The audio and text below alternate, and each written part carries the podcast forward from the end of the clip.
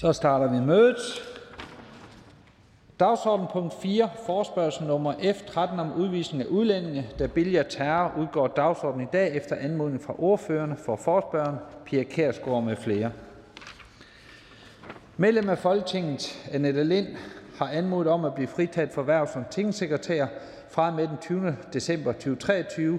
Hvis ingen gør indsigelse til dette, betragter jeg tingets samtykke som givet. Det er givet. Til at tiltræde hver tingsekretær har Socialdemokratiet udpeget Birgitta Vind, der herefter er valgt.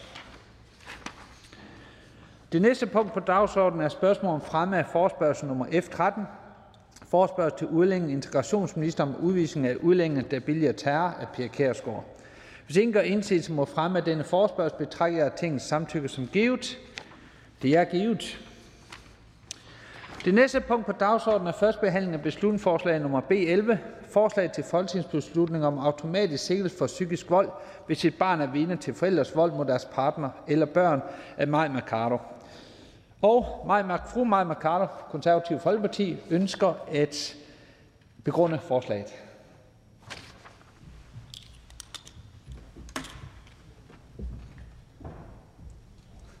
Velkommen. Da lovforslaget om psykisk vold blev vedtaget i 2019, der stod det i lovbemærkningerne, at der kan rejse sigtelse om psykisk vold, hvis et barn overværer fysisk vold i hjemmet. I dag er det sådan, at op imod 33.000 børn overværer vold i hjemmet. Og vi mener, at kan skal ændres til skal. Så derfor stiller vi i dag et forslag om, at der automatisk skal rejse sigtelse for psykisk vold, hvis et barn overværer vold i familien, for at sende det tydelige signal, at den psykiske vold er akkurat lige så alvorlig som den fysiske vold. Det vil være et stærkt signal, ikke kun til de 33.000 børn, men et stærkt signal til hele samfundet. Og vi får opbakning fra Red Barnet, Børns Vilkår, Danner og også Møderhjælpen. Og derfor så håber vi i dag at få positive tilbagemeldinger fra partierne, således at vi i fællesskab har noget at arbejde videre med. Jeg glæder mig til debatten. Tak til ordføreren. Forhandlingen er hermed åbnet, og den første, der får ordet, er justitsministeren. Velkommen. Mange tak for ordet, og ikke mindst også tak til forslagsstillerne fra det konservative Folkeparti, øh, fru Maja Mercado, for at stille det her beslutningsforslag, som efter min mening behandler et meget vigtigt emne. Med beslutningsforslaget der foreslås det, at en forældre eller samlevende, der udøver vold mod sin partner, sit barn eller andre i husstanden, automatisk i tillæg til en sigtelse for vold også skal sigtes for psykisk vold, hvis et barn i husstanden overværer eller overhører overgrebet. Og lad mig starte med at sige, at der skal og må ikke herske nogen tvivl om, at regeringen er helt enig med forslagsstillerne i, at vi skal tage det meget alvorligt, når et barn overværer vold i hjemmet. Vold i hjemmet kan sætte sig dybe spor og være meget skadeligt og ikke mindst også meget traumatisk for barnet. Vi har som samfund en særlig pligt til at passe på dem, der ikke kan passe på sig selv. Det gælder særligt for børn. Når det er sagt, så kan regeringen ikke støtte beslutningsforslaget. Tilfælde, hvor børn overværer vold mod f.eks. En, en af forældrene, vil efter omstændighederne kunne straffes som psykisk vold efter straffelovens paragraf 243. For at der kan være tale om psykisk vold efter bestemmelsen, er det blandt andet en betingelse, at den udviste adfærd skal være sket gentagende gange over en periode, og at adfærden skal være egnet til utilbørligt at styre den anden. Bestemmelsen om psykisk vold vil altså ikke nødvendigvis være overtrådt i alle tilfælde, hvor et barn er vidne til, at en forælder begår vold mod deres partner eller børn. Det betyder ikke, at der ikke tages højde for det i strafforfølgningen af sådan nogle forhold.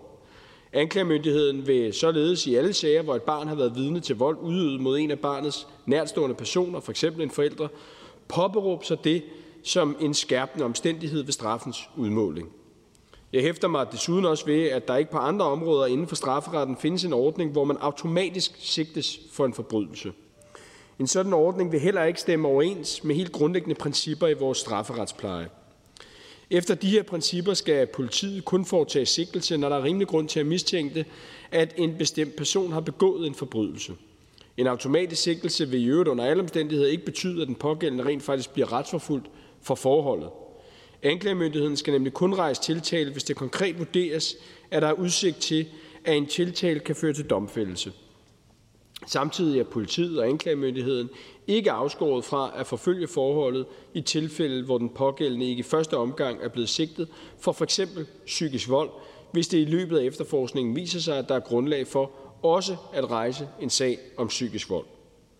Endelig er det vigtigt at nævne, at der gælder en skærpet underretningspligt for offentlige ansatte, der får kendskab til eller grund til at antage, at et barn eller en ung under 18 år har brug for særlig støtte eller bliver udsat for overgreb. Det gælder selvsagt også, hvis der er vold i hjemmet, og forpligtelsen gælder også for politiet.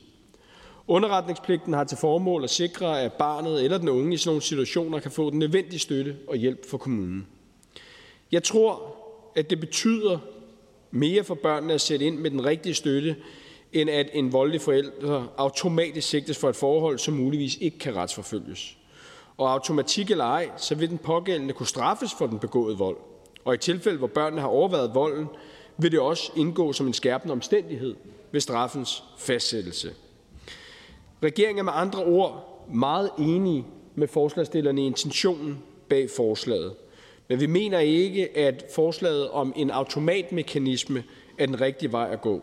Derfor er det også min invitation til Folketingets partier om, at vi fortsætter drøftelserne om, hvad vi kan gøre på det her meget, meget vigtige område, hvor børn enten selv bliver udsat for vold eller overværer vold af en forælder, ligesom at jeg også håber, at øh, Folketingets partier i retsudvalget vil overveje at skrive en beretning om spørgsmålet, øh, frem for nødvendigvis at stille det her øh, forslag til, til afstemning. For som sagt, så er regeringen meget enig med forslagsstillerne i den intention, man har bag forslaget, men deler ikke øh, øh, holdningen om værktøjet, man vil sætte i værk, om en automatmekanisme, om automatsigtelse.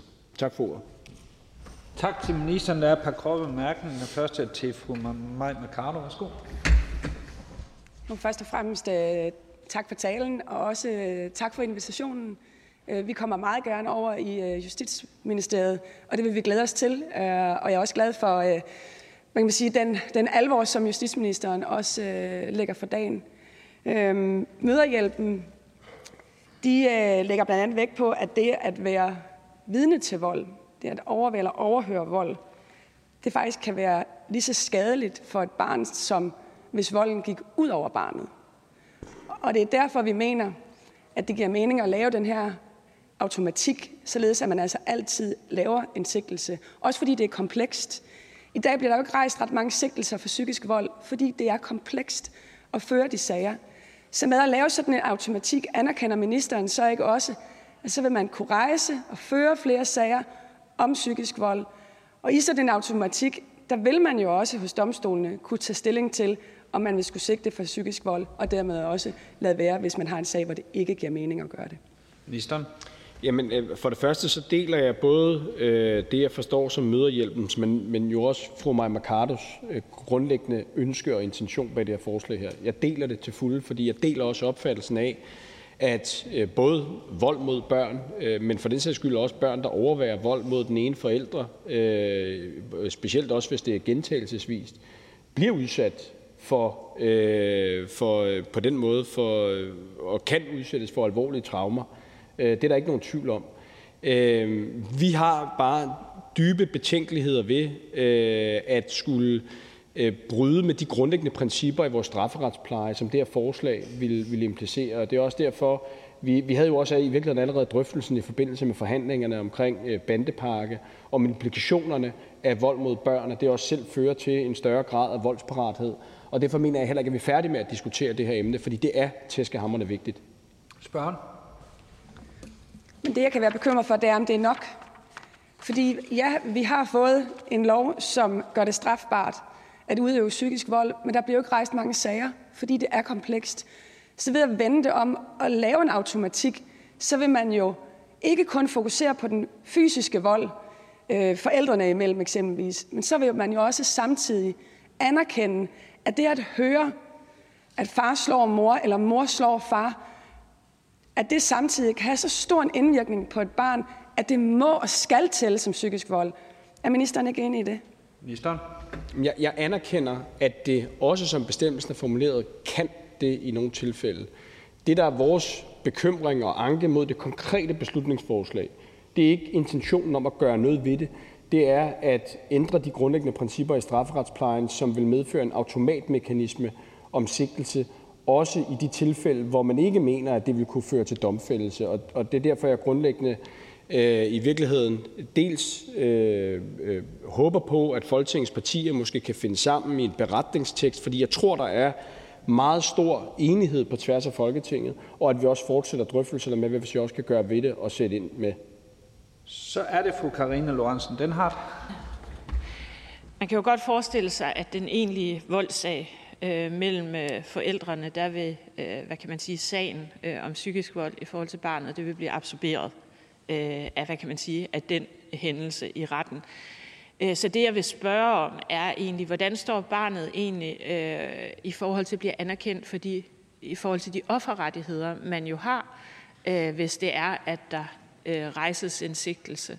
For for mig er det i hvert fald vigtigt, at barnet anerkendes som et offer, øh, og, øh, og ministeren må gerne sige noget mere øh, omkring den del. Øh, og så vil jeg øh, spørge til underretninger, øh, når jeg får øh, spørgsmålsmuligheden igen. Ministeren.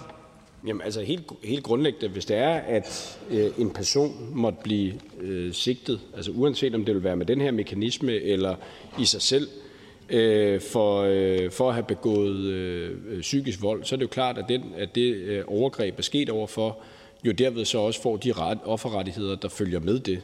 Øh, jeg kan være mere i tvivl om, og det fortæller også lidt om beslutningsforslagets kompleksitet, hvad det vil, øh, hvordan det vil stille øh, det potentielle offer i sager, hvor der er en automatisk, altså en fuldautomatisk sigtelse øh, for, et, øh, for et andet forhold, end det egentlig øh, begået. Og det, det tror jeg ikke, jeg kan redegøre for på nuværende tidspunkt, fordi det kræver en dybere udboring. Spørgen? Det må vi stille et opfølgende spørgsmål omkring, fordi at jeg er lidt optaget af, hvordan er barnet stillet, hvis der ikke bliver rejst den her sigtelse. Bliver det så anerkendt og får de offerrettigheder, som man normalt får? Fordi det synes jeg jo er ret vigtigt øh, for barnet. Da vi var på besøg hos Vestegnens politi, øh, der fortalte de, at øh, hvis man kommer til stede i et hjem, hvor der er vold mellem et forældrepar, og børnene ikke er til stede, det kan være, at de bliver passet ved bedsteforældrene, så sender man ikke automatisk en underretning til kommunen. Det synes jeg er stærkt bekymrende, fordi der er jo stadigvæk en familie, hvor der er vold. Så øh, vil ministeren tage initiativ til at sørge for, at der altid bliver sendt en underretning? Jamen altså helt grundlæggende, så gælder der jo en skærpet underretningspligt for offentlige ansatte, altså for eksempel politiet, der møder op øh, til en øh, voldsepisode i et hjem, øh, og de får kendskab til eller har grund til at antage, at et barn eller en ung under 18 år har brug for særlig støtte eller bliver udsat for overgreb, herunder også hvis det er overgrebet, det sker i hjemmet. Øh, og den underretningspligt har jo til formål at sikre, at barnet eller den unge i sådan nogle øh, situationer får den nødvendige støtte og hjælp. Og vi drøftede jo blandt andet også det her med underretningspligten i forbindelse med forhandlingerne om bandepakke, og derfor så er det også et spørgsmål, jeg forventer, at vi vender tilbage til øh, på, et, øh, på et senere tidspunkt. Så er det fru Bettina Kastbjerg. Tak for det. Når man læser, hvad eksperter udtaler omkring øh, psykisk vold, så udtaler de, at det ikke altid automatisk fører til fysisk vold eller seksualiseret vold eller en anden form for vold.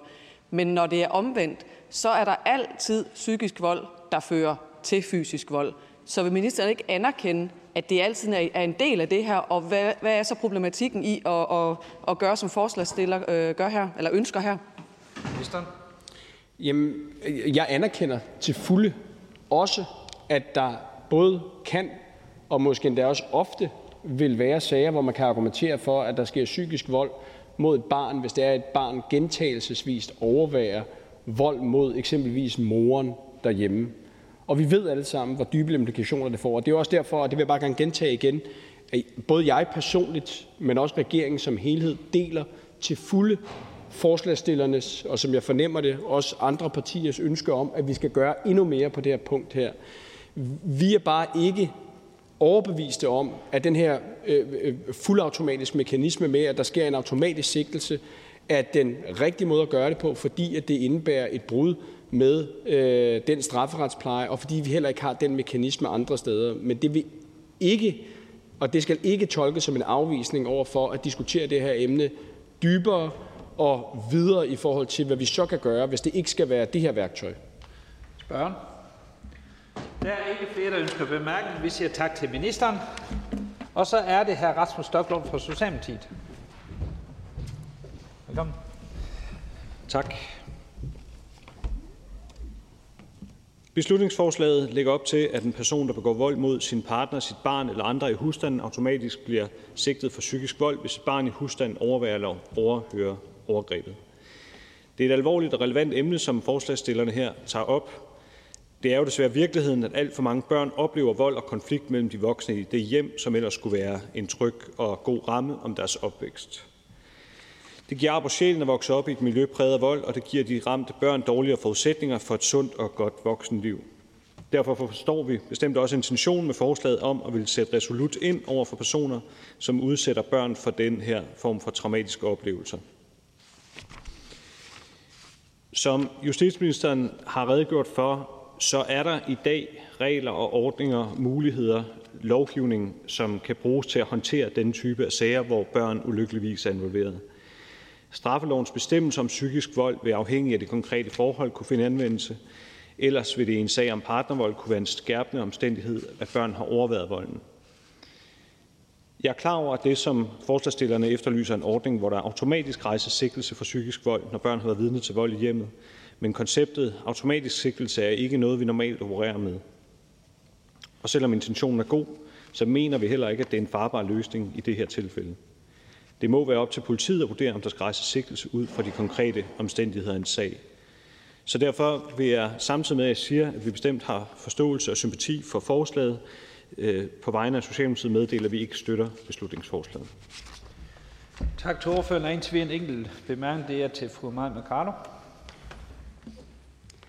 Jo, tak.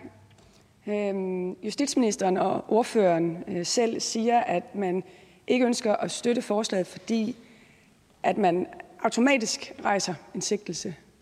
Men det gør man jo i dag i udvisningssager. Så jeg vil gerne spørge Socialdemokratiet, hvorfor er udvisninger vigtigere end vold mod børn? Sådan som jeg husker det lige på stående fod, og det er med de forbehold, at det kan være, at jeg husker forkert, så er det rigtigt, at i udvisningssager, der skal anklagemyndigheden, hvis det overhovedet er muligt, øh, kræve udvisning. Men det er jo stadigvæk noget lidt andet end øh, at have en direkte automatisk mekanisme, som det, der lægges op til her. Og jeg vil også sige, det fremgår jo allerede af lovgivningen nu, og det synes jeg trods alt er væsentligt, at det er betragtet som en skærpende omstændighed, hvis et barn overværer, at faren begår et overgreb mod moren, øh, eller omvendt. Men typisk er det jo fædrene, der står bag. Øh, og endelig vil jeg sige, at justitsministeren øh, nævnte det jo også, at det er jo en del af grunden til, at man måske i udvalgsarbejdet kunne finde hinanden i en beretning, så det ikke er det her øh, tekniske spørgsmål, det står og falder med, eftersom at intentionen herinde jo lader til at være rimelig bredt forankret. Spørgen? Det er jo helt rigtigt, at i udvisningssager, så skal man øh, nedlægge påstand om udvisning, hvis en række kriterier er opfyldt. Hvorfor vil Socialdemokratiet ikke være med til at lave samme form for automatik, at hvis en række kriterier er opfyldt, så vil man automatisk sigte for psykisk vold, hvis børn overværer vold i hjemmet. Så jeg vil bare spørge igen, hvorfor kan man på udvisning, men ikke når det drejer sig om vold mod børn? Hvorfor? Men jeg er ikke sikker på, at jeg forstår spørgsmålet helt rigtigt, så, fordi det er jo ikke sådan, at man ikke i dag kan øh, sigte folk for at begå psykisk vold mod børn. Det kan man jo godt, hvis der er nogle kriterier til stede, og det er jo blandt andet sådan noget med, om øh, den, at man forsøger at nedbryde barnet. Det sker gentagende gange, at man nedbryder øh, et andet menneskes øh, personlighed og værdighed osv., så kan man jo rejse tiltale om udvisning. Det skal man selvfølgelig også gøre, men det er jo noget andet end at have en automatisk mekanisme. Vi siger tak til ordføreren. Der er ikke yderligere bemærkninger. Og så er næste ordfører fru Heidi Bank fra Venstre.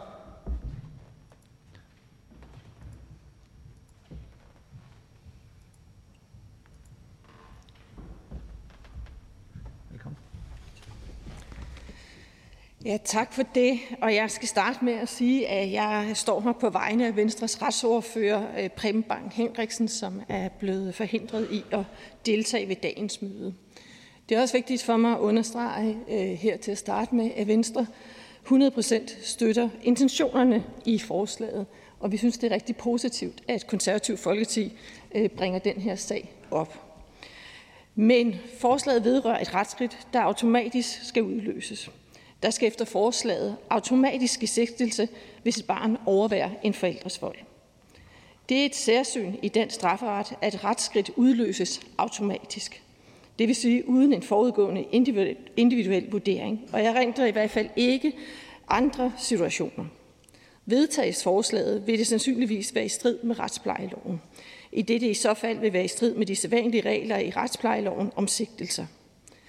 En person bliver således sigtet, hvis der er en konkret, velbegrundet, individuel mistanke til den pågældende om at være skyldig i forbrydelsen. Det kræver således efter retsplejeloven en individuel vurdering, der foretages af politiet. Derfor skal vi lade politi og anklagemyndighed afgøre sigtelser og tiltaler ud fra en konkret og individuel vurdering af den konkrete sag og den konkrete situation. Ikke nogen automatik. Det er sådan i dag, at retterne allerede i dag i vidt omfang tillægger det som en skærpende omstændighed, at børn, har overværet, at børn der har overværet for eksempel partnerfold. Det fremgår således af massiv retspraksis praksis, praksis om straffelovens paragraf 81. Retten kan tillægge skærpende betydning i strafudmålingen, her paragraf 81 nummer 5, at situationer, hvor børn overværer volden, er og bliver en skærpende omstændighed.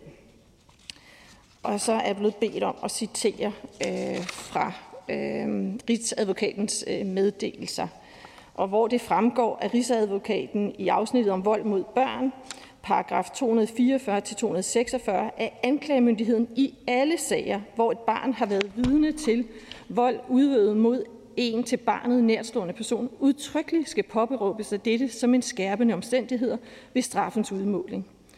En til barnet nærstående person vil først og fremmest omfatte barnets forældre, men også andre personer, som barnet har et nært forhold til, f.eks. stedforældre, forældrenes samlever, bedsteforældre eller andre familiemedlemmer, kan være omfattet af betegnelsen. Så endnu en gang vil jeg understrege, at vi er 100% enige i intentionerne. Vi synes, det er vigtigt, at den her sag bliver øh, løftet, øh, men kan af de grunde ikke støtte forslaget. Tak. Der er en enkelt bemærkning indtil videre til fru Maja Mercado. Det at rejse sager om psykisk vold er komplekst. Der er mange elementer, der skal være opfyldt. Og derfor så er det her forslag jo et ønske om i højere grad at vende det om, således at i stedet for, at man kan rejse sigtelse, så siger man, at man skal rejse sigtelse, hvis en række kriterier er opfyldt. Præcis ligesom man gør på udvisninger. Så mener Venstre ikke, som jo ellers traditionelt har stået på øh, en stærk retspolitik, at det kan være fornuftigt, at man i udgangspunktet vender det om, således at man altså rejser sigtelse altså, fys- altså for, øh, for psykisk vold, hvis det er, der samtidig pågår fysisk vold, og kriterierne måtte være til stede for det. Altså giver det ikke meget god mening i et liberalt hjerte? Ordføren. Tak. Jamen, der, der er to ting i det. For det første, så, så synes jeg, det var en ret øh, god melding, der kom fra ministeren i forhold til at prøve at se, om man kan komme med en samlet melding på det her mellem partierne. Fordi det er jo helt rigtigt, det lyder som om, vi er øh, et langt stykke hen ad vejen meget, meget enige om, at det her det er fuldstændig uacceptabelt. Så synes jeg også, at det afsnit, som, øh, som, øh, som min kollega Preben Barn Henriksen havde bedt mig øh, citere, det jo også øh, viser, at der er en klar melding øh, øh, til anklagemyndigheden om, at de alle sager, hvor et barn har været vidne til vold udøvet mod en til barnet nærstående person, udtrykkeligt skal påberåbe dette som en skærpende omstændighed, jo også øh, er ret klart. Så jeg mener egentlig, at der er ikke nogen grund til, at vi skal have kæmpe splittelse på det her område, men jeg mener også, at det er vigtigt, at vi får sendt en ret klar besked ud om, hvor alvorligt vi tager det her. Så jeg håber meget, at øh, ministerens øh, melding om, at, øh, at vi skal sætte os sammen og få, få set på det her, øh, bliver til alvor. Spørg. Men spørgsmålet er, om Venstre vil kræve handling på det her, eller bare vil lade sig nøjes med en vedtagelsestekst. For en vedtagelsestekst kan jo bare være sådan nogle flotte og fine ord, med nogle intentioner og noget, man godt kunne have lyst til i fremtiden. Altså skal, skal jeg forstå Venstre således, at man er villig til egentlig at sige, at der skal deciderede forhandlinger til hos justitsministeren, således at der kan komme reelle initiativer til gavn for de 33.000 børn, der vokser op i familier med vold i dag. Ordføren. Jamen, jeg synes egentlig, det allerede ligger i, i det, jeg har nævnt, at, øh, altså, at der, der ligger i, at det skal man allerede i dag. Øh, og derfor er det måske i virkeligheden mere en understregning af, at man skal bruge de regler, Øh, der er i dag. Og så er det jo også hensynet til øh, de principper, der ligger i retsplejeloven, øh, der også skal tages med i det her. Så det er jo, det er jo, der er jo en afvejning i det, men jeg synes, at vi skal gå så langt, som vi næsten kan, uden at vi skader andre vigtige områder for at beskytte børnene.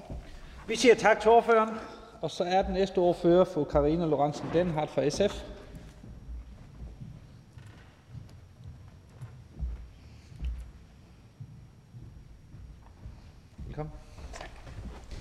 Da vi for nogle år siden fik en selvstændig kriminalisering af psykisk vold, så blev det jo indskrevet i lovens bemærkninger, at der kan rejses sigtelse om psykisk vold, hvis et barn overværer vold mod en partner eller et andet barn. Og den bestemmelse støtter vi fuldt ud i SF, for der er ikke nogen tvivl om, at det kan være ret øh, traumatiserende for børn at være vidne til vold. Hvis et barn for eksempel har set øh, deres far holde en kniv op til halsen på deres mor eller overhørt øh, et voldeligt overfald i hjemmet, så er der jo ingen tvivl om, at det i sig selv øh, er ubærligt for et barn og bør føre til en sigtelse for psykisk vold mod barnet. Børn, der er vidne til vold mellem forældre, påføres en naturlig frygt for, at en forælder, og det er jo meget ofte mor, kommer slemt til skade eller bliver slået ihjel, og de risikerer at vokse op i en konstant frygt for at gå rundt på æggeskaller, øh, fordi de måske øh, tror, det kan forhindre øh, gentagelser. Andre børn bliver utrolig præget af, af skyldfølelse, fordi de tror, volden måske er deres skyld, eller de føler, at de ikke har kunne passe på deres mor i situationen.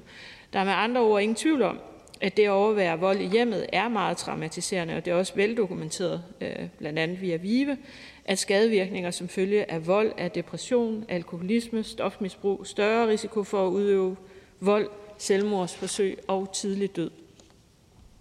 Derfor kan vi også ret godt se pointen hos forslagstiller, nemlig at det altid skal betragtes som et overgreb, når et barn er vidne til vold øh, begået mod en partner eller et barn, og at man jo automatisk bør sigte for psykisk vold. Det kan jeg så forstå øh, på justitsministeren, det kan man ikke altid gøre, Øh, og det handler om den måde, som paragrafen i forhold til psykisk vold øh, er skruet sammen på. Øh, og jeg synes, det vil give ret god mening, at vi så får kigget på, hvad skal der egentlig til, for at, at vi kan gøre noget her. Det, som jeg er meget optaget af, er, at børnene bliver anerkendt som de ofre, som de jo også er. Øh, og med de offerrettigheder og den hjælp, øh, der hører til. Og hvis der ikke rejses en sigtelse, øh, så ved jeg i hvert fald ikke, hvordan barnet øh, står i den situation. Øh, men det er jo noget, vi må prøve at udbore øh, under udvalgsarbejdet. Og så var der det her med, at det kan godt være, at vi har regler om, at der er en skærpet underretningspligt, men det vi hørte meget klart hos Vestegnens politi, da retsudvalget var der, det er, at man man ikke nødvendigvis laver en underretning, hvis barnet ikke er hjemme, når man kommer ud til en begivenhed, hvor der er vold imod øh, forældrene. Og det kan jo være, at barnet er passet ude, men der er jo stadigvæk en familie, hvor jeg tænker, øh, der foregår noget problematisk i. Øh, der er i hvert fald helt klart brug for øh, en højere grad af automatik her, fordi at det jo også handler om hjælp til familien og især barnet i sidste ende.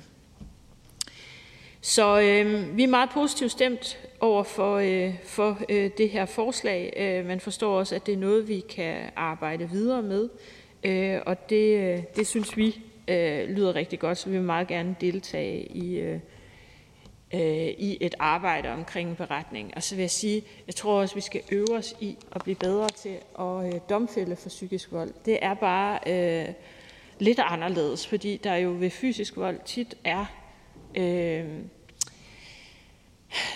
skader, øh, som indikerer, at der er foregået noget voldeligt. Og ved psykisk vold der er det jo bare anderledes, og det er typisk foregået mellem to personer og en rummer øh, bevismæssige udfordringer. Øh, der tror jeg, vi har behov for at sætte et arbejde i gang omkring, hvordan kan man samle beviser i de her sager. Øh, og det er jo blandt andet noget med at spørge øh, omgangskreds øh, og venner øh, og forstå, øh, hvad det er for et liv, øh, den, som har været udsat for psykisk vold, har levet. Øh, og der synes jeg ikke, vi er helt endnu, om end at øh, der begynder at komme øh, lidt domfældelser. Og med de ord vil jeg sige, at vi glæder os til at indgå i et arbejde omkring en forretning. Der er en bemærkning til fru Maja Mercado.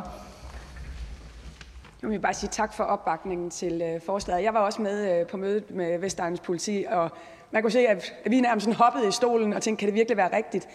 At bare fordi, at børnene måske tilfældigt ikke er hjemme, at så er det det, der afgør, at der ikke bliver sendt en underretning.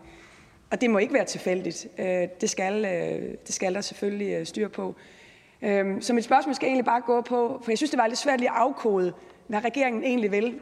Og øh, det kan godt være, at at fru Karine Lorentzen nok ikke kan svare på det, men altså, lægger regeringen op til rent faktisk at ville gøre noget ved det her? Eller er det sådan lidt lige om larm og et enkelt møde over i Justitsministeriet, og så er vi videre og, og kan øh, altså, vinge den af? Eller altså, skal vi ikke i fællesskab presse på for rent faktisk, at vi får gjort noget, både i forhold til bestemmelsen om psykisk vold, hvor der jo ikke bliver rejst ret mange sager, for kigget på den paragraf, for kigget på underretninger, men også få kigget på, om man i højere grad kan sigte for psykisk vold, når der udøves vold i hjemmet. Ordføren. Altså, det blev ikke helt tydeligt for mig, hvad det præcist er, regeringen øh, inviterer til, men jeg forstår så meget, at man gerne vil lave en beretning, og det vælger jeg at tolke som om, at man gerne vil gøre et eller andet. Øh, og, og jeg, jeg synes, vi vil være noget langt, hvis vi i hvert fald får kigget på, øh, hvordan får vi skabt nogle automatikker, som gør, eller ja, som gør, at børn i hvert fald ikke bliver overset og glemt øh, i voldelige forhold, fordi der er den her meget store risiko for mistrivsel og i øvrigt selv at blive bærer af volden, hvis man ikke får hjælp i tide. Øh, så det ligger mig i hvert fald meget på sinde. Om det så bliver sigtelsen, der øh, kan udløse det, eller om det bliver underretningen eller noget helt tredje. Øh, det vigtigste er sådan set, at de børn øh, bliver set, fordi vi ved, at skadesvirkningerne er så store. Øh, så jeg er selvfølgelig også nysgerrig på, hvad det er, vi rent faktisk kan lande i fællesskab. Vi siger tak til ordføreren. Og så er næste ordfører her Jan Carlsen fra Moderaterne. Tak for ordet. Jeg skal lige sige, at vi er kar for Tobias, her Tobias Elmstrøm fra Moderaterne. Jamen tak for ordet. Øhm, og tak til de konservative for at fremsætte det her forslag. Jeg skal prøve at gøre det kort, uden at sige og gentage de samme ting, som de tidligere ordfører har sagt. Men lad mig starte med at sige, at ingen børn bør blive udsat for psykisk eller fysisk vold i, i hjemmet. Det er dybt forfærdeligt.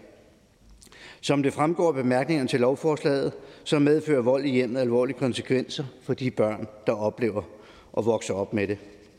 Derfor anerkender vi fuldt ud intentionen bag de konservatives forslag om automatisk sigtelse for psykisk vold og dermed skærpe straffen for at udøve øh, psykisk og fysisk vold i hjemmet. Men på nuværende tidspunkt er det dog allerede en skærpende omstændighed jævnfører øh, straffelovens paragraf 243, hvis et barn overværer psykisk vold mod en nærstående. Som sagt så er vi helt, bakker vi helt op og er enige i lovforslagets intention, men problemet ligger i, at der på ingen andre områder i straffeloven er automatiske sigtelser. Det har vi ikke tradition for i dansk øh, retpraksis, fordi det strider imod selve politiets grundlag for at sigte mistænkte personer. Hvis politiet vurderer, at der er en rimelig grund til at mistænke en bestemt person for at begå en forbrydelse, så sigter politiet vedkommende. Sådan mener vi også, det skal være. Derfor kan vi ikke støtte op om beslutningsforslaget i Moderaterne. Tak til ordføreren. En enkelt bemærkning til fru Maja Mercado. Det synes jeg er en meget forsimplet øh, gengivelse af, hvordan virkeligheden egentlig er, for det er jo meget mere komplekst. I dag så vil der jo typisk blive rejst sigtelse om vold i, imellem forældreparet. Og det er jo ikke engang sikkert, at man efterforsker eller undersøger, om der rent faktisk burde rejse sigtelse for psykisk vold. Altså, det er jo der, vi er. Anerkender ordføreren det? Ordføreren? Ja, men altså, det kan da godt være, at vi skal arbejde videre med det, øh, fordi øh, nu er jeg jo ikke inde i, i området. Men, men øh, det kan godt være, at vi skulle arbejde videre i udvalget med det, sådan som ministeren siger. Det er vi med på. Spørgen? Det vil vi se meget frem til. Og nu stillede jeg jo et spørgsmål til øh, SF og fru øh, Karine Lorentzen Denhardt, øh, for det stod ikke sådan helt øh, lysende klart, om det bare var en øh, tekst, man gerne ville. Altså, jeg forstod i hvert fald på det, at det skulle også være et møde i Justitsministeriet. Men har regeringen besluttet sig for at indkalde til deciderede forhandlinger? Fordi i så fald, altså, så vil jeg bare sige, hold nu op, fantastisk. det vil jeg virkelig gerne kvittere for, hvis det er tilfældet. Ordføreren? Nej, det er jeg ikke viden om, der er indkaldt til. Vi siger tak til ordføreren, og så er det øh, fru Bettina Kasbjerg fra Danmarksdemokraterne.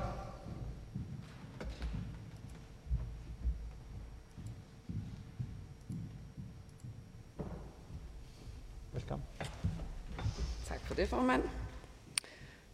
Og tak til Konservativ for at stille dette beslutningsforslag og på, for at sætte fokus på det her emne, som er, er rigtig vigtigt. Fysisk vold er lige så alvorligt og skadeligt som, som fysisk vold, og det at udøve vold, ud, udøve vold, det er fuldstændig uacceptabelt. Og desværre så oplever mange børn, at der foregår såvel psykisk som fysisk vold i hjemmet. Med det her beslutningsforslag så ønsker øh, forslagsstiller, at personer, som gentagende gange over en periode udsætter andre øh, med tilknytning til husstanden for groft nedværdende, forulempning øh, og krænkende handlinger, at de kan straffes for psykisk vold med fængsel indtil tre år, hvis et barn overværer det, og når der i tillæg er en sigtelse for fysisk vold. Og forslaget det linker til det tidligere forslag L 139, der trådte i kraft øh, i 1. april 2019. Psykisk vold er den mest udbredte form for partnervold i Danmark. Det kan ud over manipulation og øh, nedværdelse af sin partner også være kontrol med, hvem partneren må ses med, eller partnerens tøjvalg. Det kan være, at man truer med at skade sig selv, hvis partneren vil stoppe forholdet. Og vi ved, at der altid foreligger eller når der foreligger fysisk vold, så er der også altid psykisk vold. Så derfor giver det rigtig god mening, at der sker en automatik i forhold til sigtelserne. Når et barn oplever, at en forælder, som burde skabe trygge rammer og yde omsorg, i stedet er årsag til frygt og utryghed, så kan det sætte dybe spor og være skadeligt og traumatisk for barnet. Så i Danmarksdemokraterne der er vi selvfølgelig enige med forslagstiller om, at, øh, at det, der bør ske en automatisering i forhold øh, til sigtelserne, og derfor stemmer Danmarksdemokraterne selvfølgelig for forslaget. Der er en bemærkning til fru Maja Mercado. Jeg vil bare kvittere for talen øhm, og sige, at øh, på en eller anden måde synes jeg også, at den her debat afspejler, at, at, at man lidt mangler noget opdatering. Altså, fordi det er som om hos i hvert fald regeringspartierne, at man sådan kan, kan, kan sige, at jo, men det, det er ikke altid sådan, at bare fordi, at der er fysisk vold, så er det ikke altid, der kan være tale om, om psykisk vold. Og der er ordføreren jo altså, befriende klar i sin tale. Det synes jeg virkelig er rart. Øh, og jeg tror, at det kræver noget mere, før vi når derhen, hvor det er, at man anerkender, at når der er fysisk vold imellem forældrene, jamen så det, at, at der er lusinger og knytnæveslag i luften, det tæller psykisk som knytnæveslag og lusinger på barnet. Og den anerkendelse, synes jeg lidt, jeg savnede hos regeringspartierne. Jeg vil bare sige, at det var befriende klart. Tusind tak for det. Ordføren? Selv tak, og, og jeg er jo helt enig med ordføreren i, at som jeg også øh, nævnte i mit spørgsmål til ministeren, jamen så forelægger der ifølge eksperterne altid psykisk vold, inden der er fysisk vold. Og jeg er også med på, at det at overvære fysisk vold er psykisk vold mod et barn.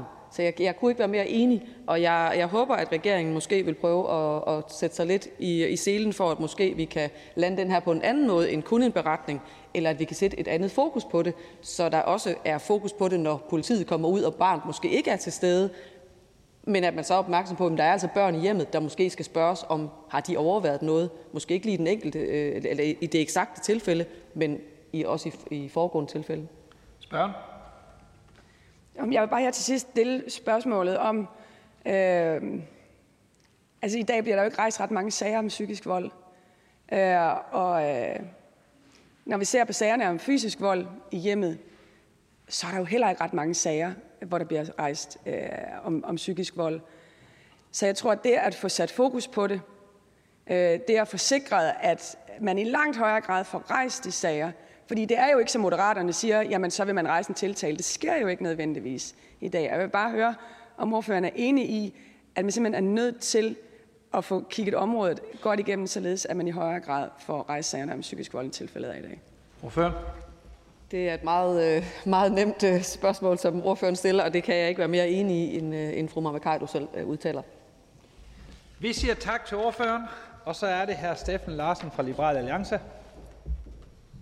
Velkommen. Ja. Forslaget øh, virker jo umiddelbart meget sympatisk. Der er jo ikke nogen, der synes, at hverken børn eller partner eller nogen som helst andre skal udsættes for vold, hverken fysisk eller psykisk. Der er ikke nogen, der går ind for, at øh, der skal være en kultur af vold i folks hjem, og at særligt ikke den psykiske vold skal finde sted der. Men der er også nogle principper på spil i forhold til, hvordan vi har indrettet vores retsstat. Øh, og jeg begynder næsten at lyde som en øh, ødelagt gramofonplade en gang imellem, når jeg begynder at tale om magtens tredeling, men øh, lovgiverne lovgiver, dommerne dømmer, og den udøvende magt skal udøve. Og i den udøvende magt, der har vi politiet og anklagemyndigheden, og det er dem, der skal finde ud af, om det skal rejse sigtelser. Ikke lovgiverne. Herinde for Christiansborg skal vi ikke bestemme, at der skal rejses sigtelser i sager per automatik. Der er et eller andet, der går galt, hvis vi begynder at gøre det. Øhm, der er nogle principper, som egentlig skal være med til at sikre en god retspleje, som går tabt, hvis vi begynder at definere det på forkant. Det må være sådan, at vi har så tillid til vores myndigheder, og til at de myndigheder de udøver deres arbejde efter, hvad der er bedst i den situation, de står i. Øhm, så når vi går ind og begynder at sige, jamen her skal myndighederne sigte folk for forbrydelser af en vis art, hvis de også de har begået en anden ting, så tror jeg, at vi begynder at nærme os, øh, at vi bryder med de principper i en sådan grad, at øh, vi i Liberale Alliance er svært ved at se, hvordan vi skal kunne være med i det. Derudover så er det jo også det, at det allerede er en skærpende omstændighed, hvis børnene er til stede i et, vold, hvor der er, eller et hjem, hvor der er vold. Øhm, og det er jo problematisk med en sådan detaljstyring, som der lægges op til. Så Liberal Alliance kan ikke støtte forslaget. Tak til ordføreren. Der er en enkelt bemærkning til fru Maja Mercado. Værsgo. Ordføreren siger, at det bryder med øh, nogle principper. Øhm, men er ordføreren så ikke øh, tilhænger af og bakker op det princip, der er, når der automatisk øh, rejses tiltale for udvisning? Det er jo sådan i dag, at der skal man øh, gøre alt, hvad man kan for at rejse tiltale for udvisning. Og der er en række kriterier, man simpelthen skal følge for at se, om ikke det lader sig gøre. Og hvis det lader sig gøre, så skal man gøre det. Er ordføreren uenig i det? Og mener ordføreren, at man ikke på samme måde ville kunne indrette øh, loven om psykisk vold således, at hvis det er, at en række kriterier taler for, jamen så skal der altid rejses tiltale om psykisk vold, når der foregår vold i hjemmet. Men det kræver selvfølgelig, at man er enig i, at det at blive altså at overvære og overhøre vold i hjemmet, at det er at regne som psykisk vold. Så det er vel i virkeligheden det første spørgsmål. Altså, mener Liberale Alliance, det er at regne som psykisk vold? Ordføren? Altså, det, det er jo der, hvor jeg siger, at det skal være en konkret vurdering. Altså, det, jeg kan ikke stå her fra Folketingets talerstol og sige, at bare fordi der er et barn i hjemmet, mens der eventuelt udøves vold i det, eller der er et skænderi i det, eller der er et slagsmål i det, altså alvorlige skænderier mellem forældre, hvor der ikke er vold, det kan jo ligeledes også øh, potentielt være psykisk vold. Der kan være alle mulige ting, der kan fungere som psykisk vold. Øh, så så at, at det skal jeg kunne her fra Folketingets talerstol, når jeg ikke står i situationen, øh, kunne vurdere bedre end den politibetjent, end den anklagemyndighed, der står derude. Det er der, jeg er, er, er skeptisk øh, og, og siger, at det, det, det tror jeg er for besværligt. Når det kommer til en anden ting, nemlig at folk, der har begået for eksempel meget voldelige forbrydelser, at dem ser vi gerne, hvis de er udlændinge, at de bliver udvist. Det, det er lidt en anden situation, synes jeg. Øh, det er min øh, klare opfattelse, at det er en anden situation. Spørgen? Men hvorfor er det en anden situation? Altså, hvorfor er, har det større værdi, at man har en automatik i udvisningssager, end at have en automatik i sager om vold, som børn overhører og overværer, og som må tælle som psykisk vold. Altså, jeg, jeg køber simpelthen ikke ind på det her med, at, at i nogle tilfælde, jamen, så er det ikke at regne for, for psykisk vold, hvis det er, at, øh, at børn overværer vold i hjemmet. Det er altid at regne som psykisk vold. Er ordføreren enig i det? Og hvorfor tæller udvisningssager mere end vold mod børn? Ordfører. Øh, det siger jeg heller ikke, at det gør. Men lad os, lad os lige prøve lige at, at komme tilbage til fornuften her. Vi har lige for eksempel lavet en, en domstolspakke, der skal nedbringe sagsbehandlingstiden ved domstolene. Hvis vi nu til, siger, at nu skal vi automatisk have noget tiltale for for eksempel øh, psykisk voldelige i situationer, jamen så kommer vi da også til at stå i en situation, hvor vi nu øh, øger sagsbehandlingstiden øh, i de her tilfælde her, øh, og hvor det måske ikke giver mening. Hvor der er nogle sager, hvor der vil komme den her tiltale eller sigtelse, hvor at det ikke nødvendigvis er noget, der vil kunne føre til dom. Og det, det synes jeg er problematisk, at vi pålægger øh, anklagemyndigheden og, og myndighederne generelt det. Vi siger tak til ordføreren, og så er næste ordfører fru Senior Stampe fra Det Kalde Venstre.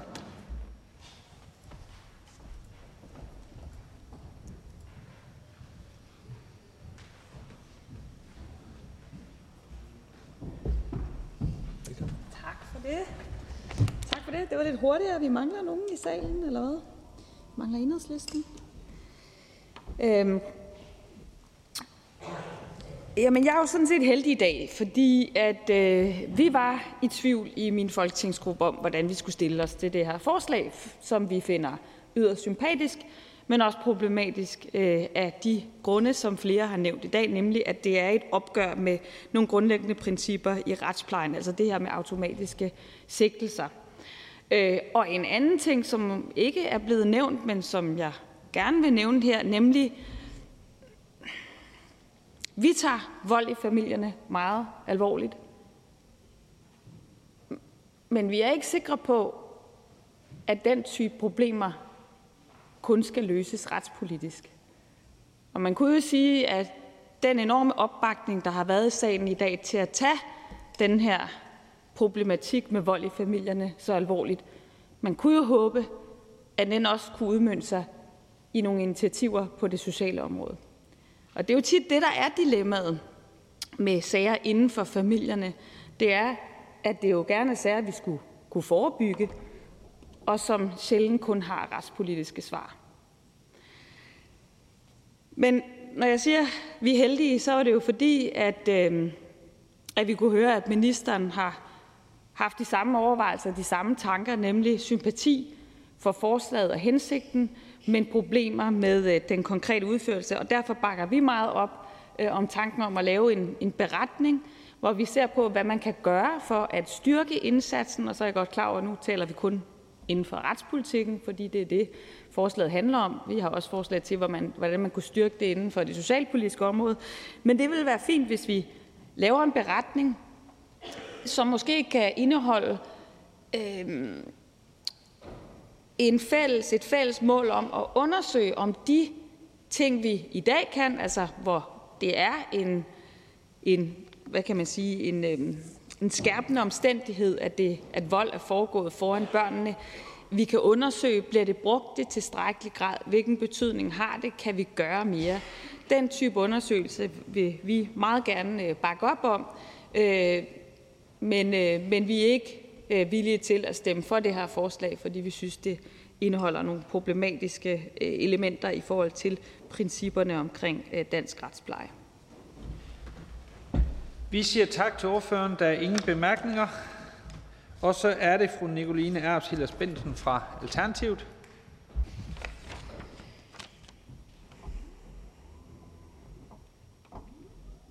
Det tog lige lidt tid, der er vist lidt afbud sagen i dag. I Alternativet sympatiserer vi faktisk også med forslaget og intentionerne bag forslaget. Vi anerkender, at det er ekstremt skadeligt for børn at observere vold, og særligt når det sker over for en forældre. Men øh, vi finder også nogle problematikker bag forslaget, som øh, flere af de tidligere ordfører også har været inde på. Så mener vi ikke, at Folketinget bør detaljstyre vores udøvende og dømmende magt, hvilket vi mener forslaget i nogen grad vil. Vi går rimelig meget ind for, at vi holder fast i de principper, vi har omkring vores retsstat i dag, og derfor går vi heller ikke rigtig på kompromis med dem, uagtet hvor meget vi sympatiserer med intentionerne bag og som øh, den tidligere ordfører også var inde på, så handler det her jo ikke kun om retsområdet. Det handler jo også om det sociale område, fordi vold er stærkt kodet sammen med ens forældres sociale lag, uddannelse og miljø. Og derfor så skal vi jo også finde måder, hvorpå vi på det sociale område kan højne børns trivsel og mindske volden i samfundet. Så det handler jo om at lave en styrket indsats, både på det sociale område, men jeg mener også, at vi skal tage det alvorligt og lave en styrket indsats på øh, retsområdet, hvor vi styrker indsatsen mod psykisk vold, og det hører jeg også justitsministeren og regeringens ordfører øh, nævne, at de tager meget alvorligt det her emne, og de ser positivt på, at vi tager det op til en videre drøftelse. Det gør vi også, men vi kan desværre ikke støtte beslutningsforslaget, som det ligger her. Vi siger tak til ordføreren. Der er ingen bemærkninger. Så er det ordføreren for forslagsstilleren, fru Mai Mercado.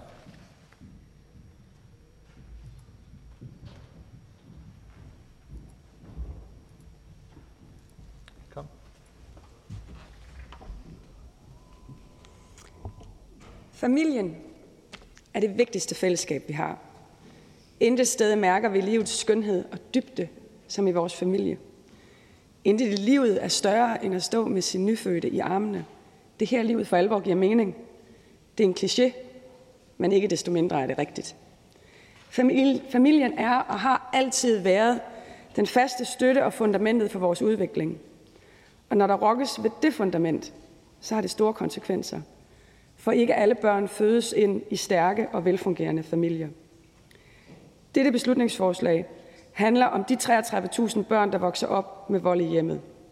Oprindeligt er det inspireret af Martin Vitrup Bengård, politibetjent. Nogle af jer vil kunne huske ham, som stiller en bag et borgerforslag, som fik opbakning i foråret. Han er betjent til daglig og er ude og opleve, når der sker vold i hjemmet. Det har store konsekvenser for et barn, enten at overvære eller overhøre vold i hjemmet. At opleve en forældre, som burde skabe omsorg og tryghed og give oceaner af kærlighed, men i stedet skaber frygt i familien, det kommer til at påvirke barnet hele barndommen og vil sætte sig spor helt op i voksenlivet. Flere organisationer, der beskæftiger sig med børns rettigheder, såsom Møderhjælpen, de skriver eksempelvis, at det at være vidne til vold kan være nøjagtigt lige så skadeligt som at mærke volden på egen krop. Og det er for mig en understregning af, at fysisk vold mellem forældre altid mærkes som psykisk vold hos barnet. Også selvom barnet aldrig bliver udsat for den fysiske vold. Og da lovforslaget om psykisk vold blev vedtaget i 2019, der stod det i lovbemærkningerne, at der kan rejse sigtelse om psykisk vold, hvis et barn overværer vold i hjemmet. Men der er siden bestemmelsens i krafttræden alene afsagt få domme, hvor der altså udelukkende dømmes for psykisk vold. Vi mener, at kan skal ændres til skal. Og det er derfor, vi i dag stiller forslag om, at der automatisk skal rejses sigtelse for psykisk vold, hvis et barn overværer vold i hjemmet. For at sende det tydelige signal, at den psykiske vold er akkurat lige så alvorlig som den fysiske vold. Men også fordi psykisk vold er komplekst. Få sager bliver rejst. Med en automatik og en automatisk sigtelse, så vil domstolen i langt højere grad skulle forholde sig til psykisk vold, end det rent faktisk sker i dag.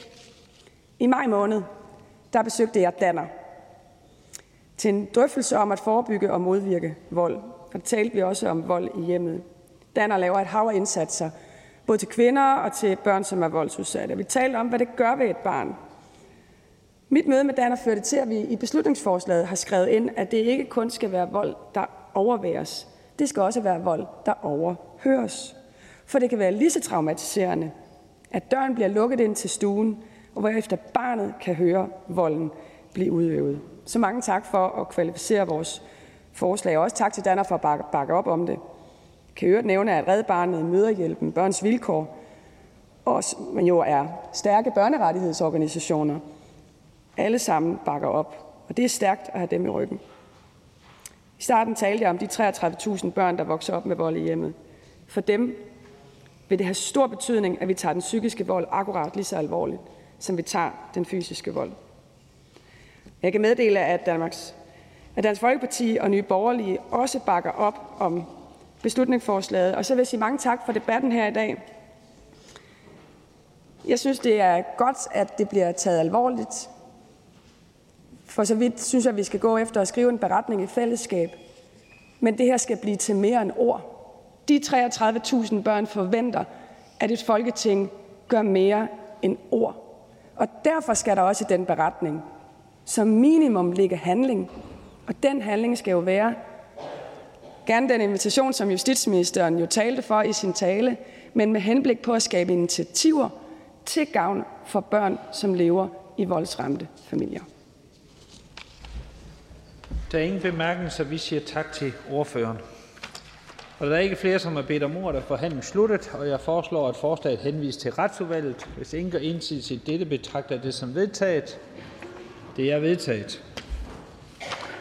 Det sidste punkt på dagsordenen er først behandling af beslutningsforslag nummer B 34, forslag til folketingsbeslutning om bedre vilkår for private universiteter af Sandra Elisabeth Skalvig. Ordfører for forslagstilleren, fru Sandra Elisabeth Skalvig, ønsker at give en begrundelse for forslaget. Velkommen. Tak skal du have. Tak for ordet. Vi kender alle Harvard, Stanford og Oxford. De er ikke blot nogle af de bedste universiteter i verden, de er også alle private, fondsdrevne universiteter. Desværre er universiteter i den klasse ikke et udbredt fænomen i Danmark. Og det kommer det heller ikke til at være, hvis vi ikke fra politisk side gør op med det monopol, som de offentlige universiteter har på vores universitetsområde. Hvis vi skal sikre en dansk universitetssektor i verdensklasse, så er det afgørende, at vi skaber bedre rammer for, at der kan oprettes alternativer til de offentlige universiteter. I Liberal Alliance der vil vi gerne kæmpe for, at Danmark er et stærkt videnssamfund med universitetsuddannelser af høj faglig kvalitet. Men hvis vi skal have en fremtid med universitetsuddannelser i verdensklasse, så er der behov for, at vi forbedrer vilkårene for private universiteter i Danmark. Af den årsag har vi fremsat det her beslutningsforslag, og jeg har glædet mig meget til debatten med ordførerne fra de andre partier. Tak. Vi siger tak til ordføreren. Så er forhandlingen åben, og den første, der får ordet, er uddannelses- og forskningsministeren.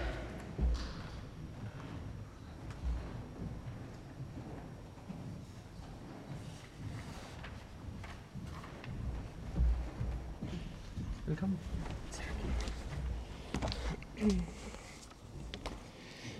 Tak for det, formand, og tak til Liberal Alliance for at stille, synes jeg, et spændende beslutningsforslag. Øhm, og med det forslag så ønsker forslagsstillerne at pålægge regeringen at understøtte bedre vilkår for private universiteter. Forslagsstillerne oplister seks punkter, som skal forbedre private universiteters vilkår. Mit væsentligste budskab i dag er, at der sådan set allerede er ret gode muligheder for, at den private sektor kan yde et værdifuldt bidrag til forskning og uddannelse i Danmark. Det er allerede i dag muligt at oprette private uddannelser og institutioner i Danmark. Ønsker institutionen ikke offentlig anerkendelse af de udbytte uddannelser og offentlige midler til finansiering af aktiviteterne ved et privat universitet godt kunne oprette forsknings- og uddannelsesaktiviteter i Danmark. Som privat uddannelsesudbyder har man også mulighed for at få vurderet sine uddannelser af akkrediteringsinstitutionen. Det er ikke en egentlig akkreditering, men det er en niveauvurdering, som man for eksempel kan markedsføre sig som værende på bachelorniveau. Private uddannelser kan derudover godkendes til SU, hvis nogle generelle betingelser er opfyldt, og hvis uddannelsespolitiske, økonomiske eller arbejdsmarkedspolitiske hensyn taler for det. Private uddannelsesudbydere kan også selv beslutte titler, optagelseskrav og betaling i forbindelse med uddannelsesudbud, så længe de ikke ønsker offentlig anerkendelse eller offentlige midler. De må dog ikke kalde sig universiteter. Det må kun de otte universiteter, som er reguleret i universitetsloven. Når det kommer til forskning, så yder den private sektor allerede i dag et meget værdifuldt bidrag til dansk forskning. Det gælder, både, det gælder både i forhold til finansieringen og udførelsen af forskningen, for eksempel i regi af private fonde og virksomheder. Noget sker alene i privat regi, mens andet sker i tæt samarbejde mellem det private og det offentlige. Men det er ikke min vurdering, at etableringen af private universiteter vil skabe bedre rammebetingelser for fri forskning, end det vi allerede har. Der blev for cirka 10 år siden lavet en udredning af, hvilke konsekvenser det kunne have at lade private uddannelser i Danmark være omfattet af akkrediteringssystemet og således opnå offentlig anerkendelse. En af konklusionerne var, at akkreditering af private uddannelsesudbud vil række vil rejse en række spørgsmål og kræve etablering af supplerende former for central regulering af private udbud for at sikre anerkendelse på lige fod med de offentlige akkrediterede uddannelser og uddannelsesinstitutioner. Et væsentligt opmærksomhedspunkt er blandt andet de studerendes rettigheder. Hvordan skal uenigheder mellem et privat universitet og en studerende for eksempel løses? Og hvad med de studerendes retssikkerhed, hvis private universiteter skulle vise sig at gå konkurs? Det handler også om optagelseskriterier.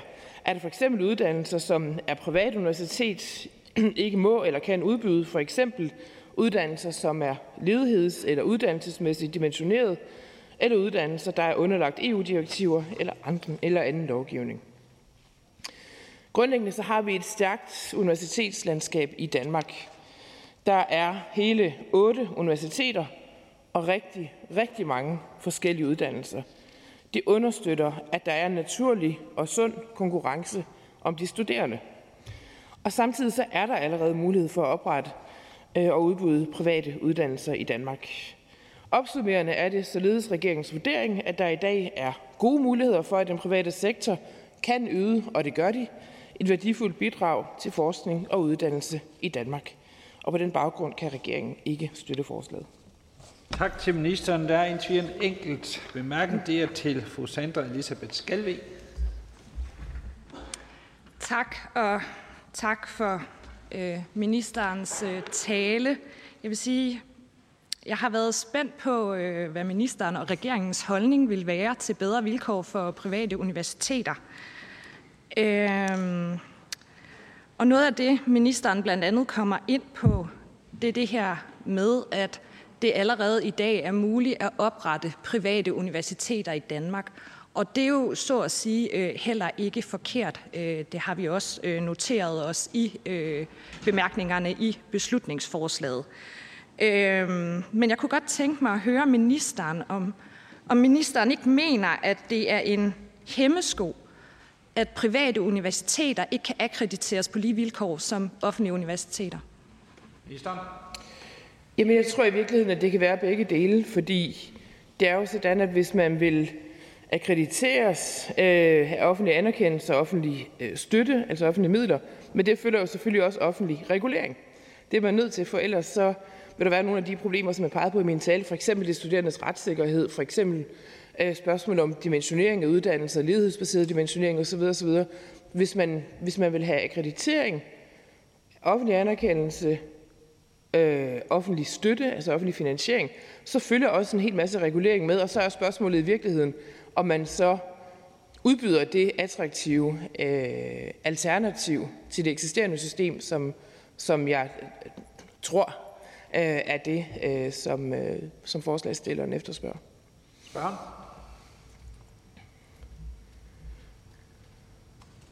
Ja, det kom der. øhm,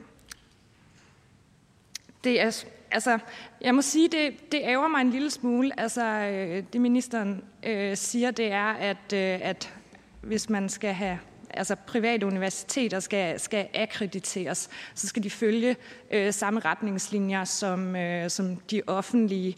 Og der, der vil jeg egentlig bare gerne pointere, at vores forslag går ikke ud på, at, øh, at de private universiteter skal have offentlig støtte, men nærmere øh, det modsatte, altså at det skal være private fonde, der skal kunne drive de her private universiteter. Øhm, og så ærger det mig, at ministeren ikke ønsker. Så er ministeren. Jeg, jeg prøver at gætte mig til resten. Øh, hvad hedder det? Jeg tror i virkeligheden, så tror jeg, at vores, vores forskelligheder måske bygger på et forskelligt syn på noget af det, øh, som, som beslutningsforslaget blev begrundet med øh, i starten af, af den her behandling nemlig altså en skelen til stærke, excellente universiteter i udlandet, og sådan nogle kunne man også godt tænke sig at have i Danmark. Jeg synes, vi har stærke, excellente, i verdensklasse gode universiteter i Danmark. Øh, vi har otte af dem. Øh, de har ret stor selvbestemmelse til at drive universiteterne. Jeg synes, resultatet er godt. Jeg synes, vi er fuldt på højde med nogle af de øh, universiteter, som blev nemt indledningsvis. Så er det en bemærkning til fru Maja Mercado. Det er bare en, en bemærkelsesværdig øh, debat, fordi det må gøre ondt i det liberale hjerte at skulle svare sig henholdende på nu er jeg jo ikke liberal, men gode liberale spørgsmål, som Liberale Alliance stiller. Så jeg vil bare, altså bare, bare imellem os. Altså på en skala fra ondt til knust hjerte, hvor, hvor er vi så henne i forhold til, hvor ondt det må gøre at skulle svare så henholdende, når man selv er liberal? Så. Jamen, det er jo meget rørende omsorg for det konservative Folkeparti sådan en fredag øh, formiddag, som jo så levende kan sætte sig ind i, øh, hvordan det vil sige at være liberal, må man forstå. Altså på den skala, som du oplistede der, så, så befinder jeg mig så uden for skalaen, for jeg er, er hverken øh, knust eller har ondt i hjertet. Spørg.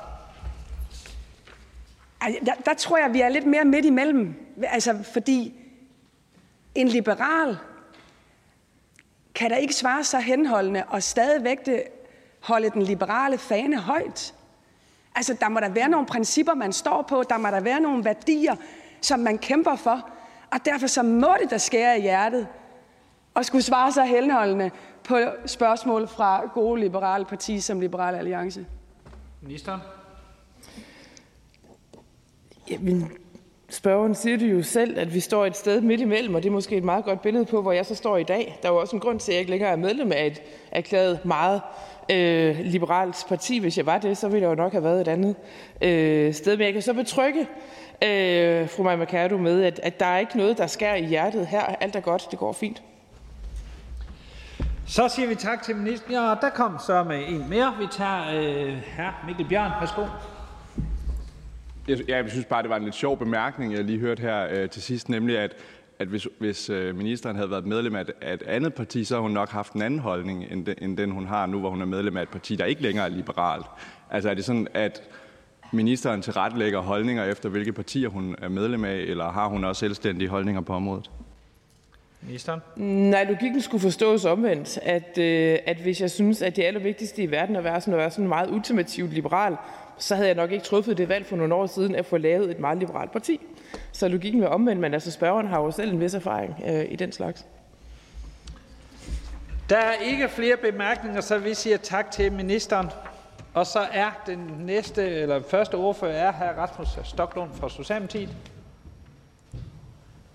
Kom. Tak.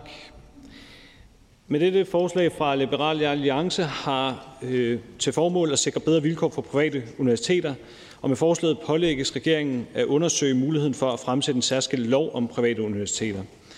Vi har otte gode universiteter i Danmark. De offentlige og alle med de rette kvalifikationer kan søge optagelse på dem, også selvom de ikke kommer fra en velhavende familie. Universiteterne finansieres af staten, og derfor er universiteterne også klar over, at de har et ansvar over for det danske samfund. Den rolle udfyldes generelt særdeles flot. I internationale rangeringer af det akademiske niveau opnår danske universiteter flotte resultater. Ideologisk er det måske ikke så overraskende, at et parti som Liberal Alliance gerne så øget privatisering også på dette område, men vi har heldigvis en tradition for at lade universiteterne finansiere fællesskabet og dermed også sikre adgang til dem for alle. Hvad der motiverer Liberal Alliance andet end ideologi i dette spørgsmål, har jeg til gengæld lidt svært ved at se. Universiteterne gør i dag et flot stykke arbejde. Adgangen er betinget af kvalifikationer, ikke om man har rige forældre, og universiteterne er optaget af at bidrage til samfundet, så skatteyderne kan se mening med at finansiere akademisk uddannelse og forskning. Det for mig mest uforståelige ved beslutningsforslaget er, at man vil løse et problem, som ikke eksisterer, fordi vi ikke mangler gode akademiske uddannelser i Danmark, og fulgte vi LA's vej, ville vi bane vejen for en ulighed i vores uddannelsessystem, som vi ikke kender i dag. På den baggrund støtter Socialdemokratiet ikke beslutningsforslaget.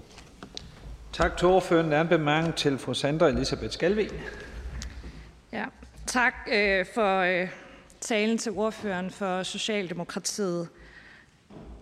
Ordføreren kommer ind på, at et privat universitet kun vil være for, for velhavende mennesker. Øh, og det lyder jo næsten på ordføreren som om, at det Liberal Alliance ønsker, det er at erstatte vores offentlige universiteter med private. Det er ikke det, Liberal Alliance ønsker. Vi ønsker et supplement, og vi ønsker gode vilkår for, at man også kan have private universiteter i Danmark.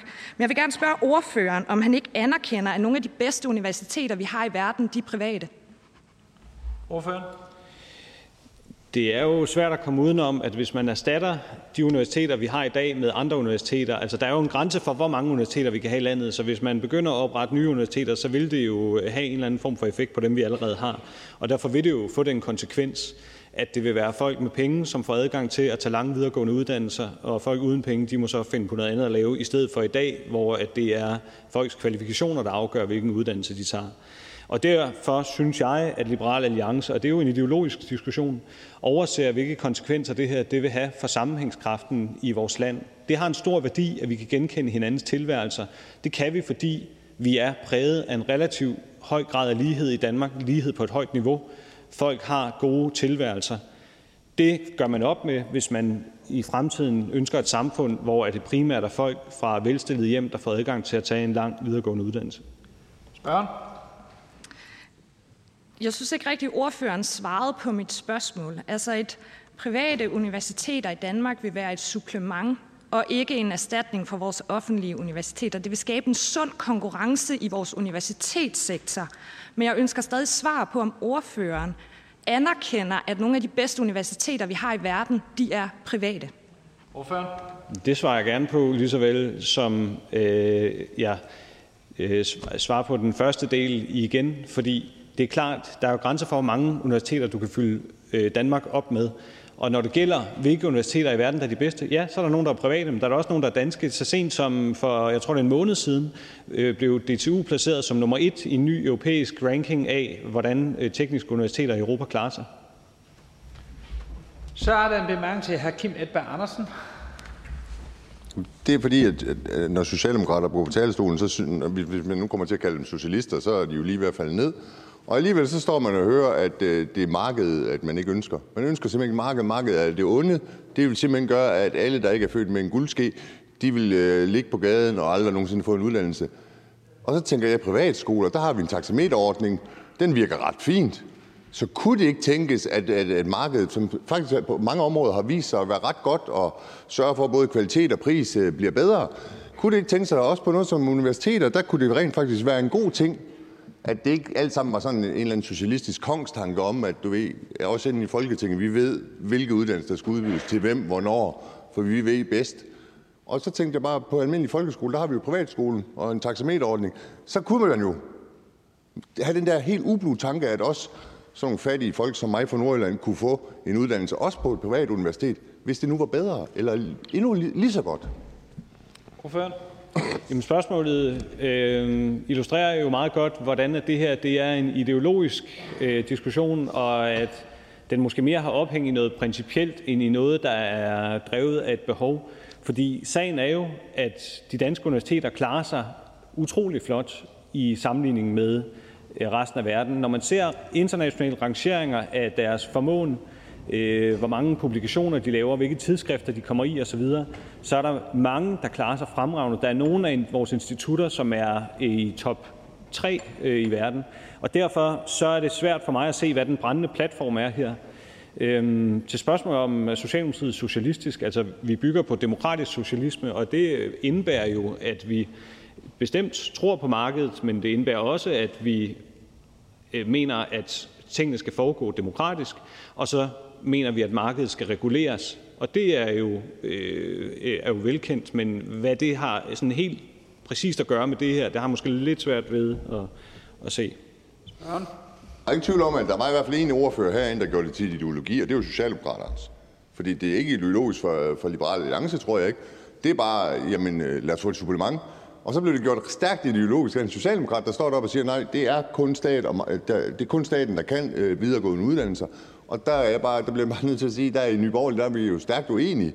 Og vi, vi har jo set før, at, øh, at den her tale er kommet fra Socialdemokraterne, og når man så ikke lige kan løfte, øh, løfte bolden længere, så siger man, jamen, så laver vi for eksempel private skoler ude i de små, for vi har centraliseret folkeskolen sådan, at, at vi laver privat, og så laver vi en taxameterordning, fordi vi kan godt se, at vores tanke virker ikke, vi har brug for markedet. Så er det ordføreren. Det, jeg mener er lidt svært at se, øh, hvad har at gøre med den her diskussion, det er hele markedsdiskussionen, altså det, der blev skudt Socialdemokratiet i sko med, at vi ikke bryder os om, om markedsmekanismer. Altså, vi synes, markedsmekanismer er fine. Vi synes bare, de skal reguleres til fordel for almindelige mennesker. Og i den aktuelle diskussion, der synes jeg, sagen var en anden, og jeg kunne bedre forstå øh, baggrunden for, at vi diskuterede det her beslutningsforslag, hvis det var sådan, at de universiteter, vi har i Danmark, de klarede sig dårligt. Men det gør de ikke. De klarer sig fremragende, og samtidig så sikrer vores model adgang for høj som lav øh, til lange videregående uddannelser. Så er det fru Katrine Ropsø. Tak for det.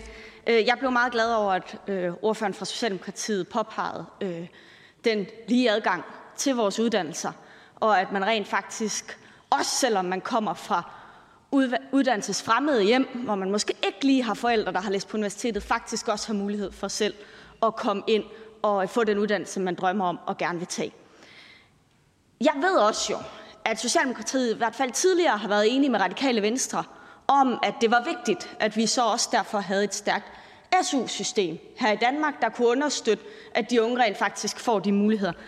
Og når vi nu ved, at mange af de unge, der øh, kommer til ikke at, øh, at lige have så meget uddannelseserfaring med hjemmefra, øh, det er faktisk også dem, der kommer til at bruge det 6. SU-år, når de øh, kommer til at læse videre. Hvorfor er det så nu, at Socialdemokratiet har valgt at sige, at, øh, at nu skal SU'en ændres? Hvorfor? Altså, nu har fru parti jo gennem tiden været med til at sikre, at der er så mange danskere, der får en øh, akademisk uddannelse, at der i fremtiden vil være rigtig mange børn, der kommer fra øh, hjem med lang uddannelsestradition. Så det er jo den ene del af svaret, at det her problem det bliver anderledes i fremtiden. Den anden og måske lidt mere seriøse del af svaret er, at jeg anerkender slet ikke præmissen om, at vi får et mindre, eller et, et hvad skal man sige, et øh, ikke generøst SU-system i fremtiden. Altså, vi kommer til at have et af verdens øh, allermest generøse systemer, også når vi gennemfører den del af regeringsgrundlaget, der handler om at fjerne det 6. SU-år. Og øh, samtidig så kan vi jo se, at dem, der trækker mest på SU-systemet, også det 6. SU-år, det er jo folk, der kommer fra en velstillet baggrund. Så det er jo ikke et spørgsmål om, at, at vi her afskaffer en ordning, som er målrettet eller i særlig grad gør gavn for folk, der kommer fra hjem uden tradition for akademisk uddannelse. Jeg skal bare lige høre, om Socialdemokratiet ikke vil anerkende, at hvis man fjerner det 6. SU, så er det en forringelse af SU-systemet. Jamen, jeg øh, kan se, nu har jeg fået 17 sekunder mere. Nå, 30 sekunder står der alligevel, øh, til at sige det samme en gang til. Altså, øh, jeg anerkender ikke, at det er afgørende for, om Danmark har et generøst SU-system, om man har et 6. SU-år. Slet ikke, når vi kan se, at dem, der i dag primært anvender det 6. SU-år, det ikke er den målgruppe, som øh, de fleste af os er meget optaget af, kommer til også at få øh, god adgang til at tage den uddannelse, de må ønske sig. Og det er jo typisk folk, der kommer fra økonomisk, øh, socialt dårligt stillede baggrunden, at de skal have en ekstra hånd. Så siger vi tak til ordføreren. Og den næste ordfører er fru Heidi Bank fra Venstre. Kom. Tak for det. Først vil jeg starte med at øh, rose intentionerne i forslaget. Tanken om det frie initiativ til at skabe og give flere muligheder, mere frihed. Jeg har også godt lide historiefortællingen, henvisningerne til etablering af Aarhus Universitet og CBS, der begge udspringer af private initiativer i henholdsvis 1928 og 1917. Det mener jeg er en vigtig fortælling. Og som forslagsstillerne nævner i bemærkninger til forslaget, har en tidligere venstreminister på området, Helge Sander, i 2010 også haft tanker om muligheden for at åbne for et mere privat initiativ.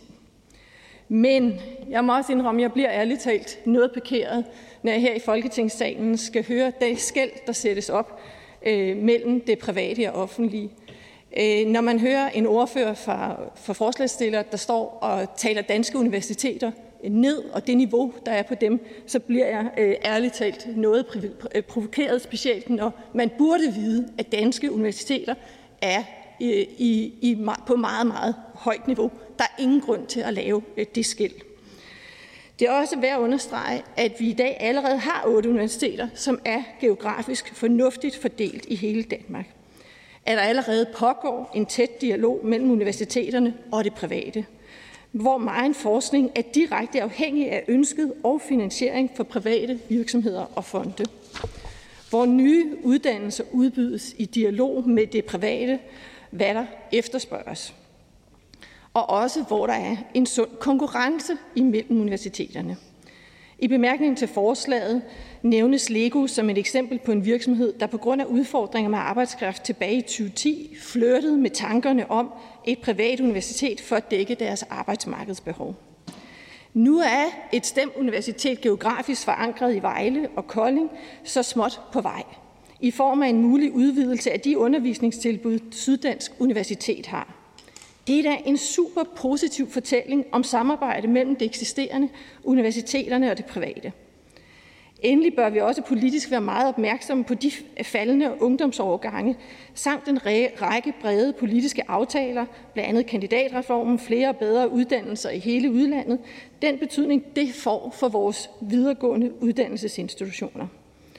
I Venstre mener vi, at vi hellere skal bruge kræfterne på et fortsat stærkt og godt samarbejde i det eksisterende mellem det selvejende, det offentlige og det private. Venstre kan derfor for den nærværende ikke støtte forslaget. Tak til ordføreren. Der er et par korte bemærkninger. Først er til fru Sandra Elisabeth Skalvig. Tak, og tak til ordføreren for, øh, for talen, nok særligt de positive øh, bemærkninger, ordføreren startede med at komme. Øh, jeg kunne ikke lade være med at bide mærke i ordførerens øh, omtale i forhold til, at ordføreren mener, at Liberal Alliance øh, underkender det niveau, der er på vores offentlige universiteter. Øh, det har jeg i hvert fald ikke øh, øh, gjort, hverken i min indledende tale eller i forbindelse med opfølgende spørgsmål. Men i den forbindelse vil jeg gerne spørge ordføreren for Venstre om grunden til, at Venstre ikke støtter det her forslag. Det er fordi, at Venstre ikke mener, at, øh, at vi skal have konkurrence på vores universitetsområde, fordi de offentlige universiteter er på et tilstrækkeligt højt niveau. Tak. Øh, jeg, jeg er glad for, at øh, ordføreren understreger, at man altså ikke i talsatte, at danske universiteter ikke er på højt niveau, fordi at det, det var virkelig noget, der chokerede mig, for det var det, jeg synes, jeg hørte, når man på den måde ligesom sagde, at grunden til det, det var, at der var andre universiteter i verden, og de var på, på et helt andet niveau, og det kunne så være argumentationen, og alene næsten argumentationen for det. Så det er jeg øh, rigtig glad for. Øh, det er sådan, at øh, som jeg siger, så er der jo vedtaget en række aftaler, og de er bredt vedtaget. LA er endda med i nogle af dem. Øh, og nogle af dem de kommer altså til at påvirke vores universitetslandskab ganske betragteligt. Og derfor er det jo også vigtigt, at vi ikke bare sådan hovedløst kaster nye ting øh, efter universitetsområdet. Så, så jeg synes sammen med det, og så også nogle af de udfordringer, altså nu har jeg ikke vil gentage det, ministeren stod og sagde, men så synes jeg faktisk, der er nogle argumentationer for i øjeblikket, og det er også derfor, jeg siger for nærværende, synes vi ikke, det er det rigtige at gøre. Men jeg anerkender, at der kan være rigtig meget af det private initiativ, og i øvrigt så vil jeg også understrege, at jeg synes faktisk, der er en ret for det blev vendt lidt om af ordføreren, en rigtig sund konkurrence universiteterne imellem. Spørgen.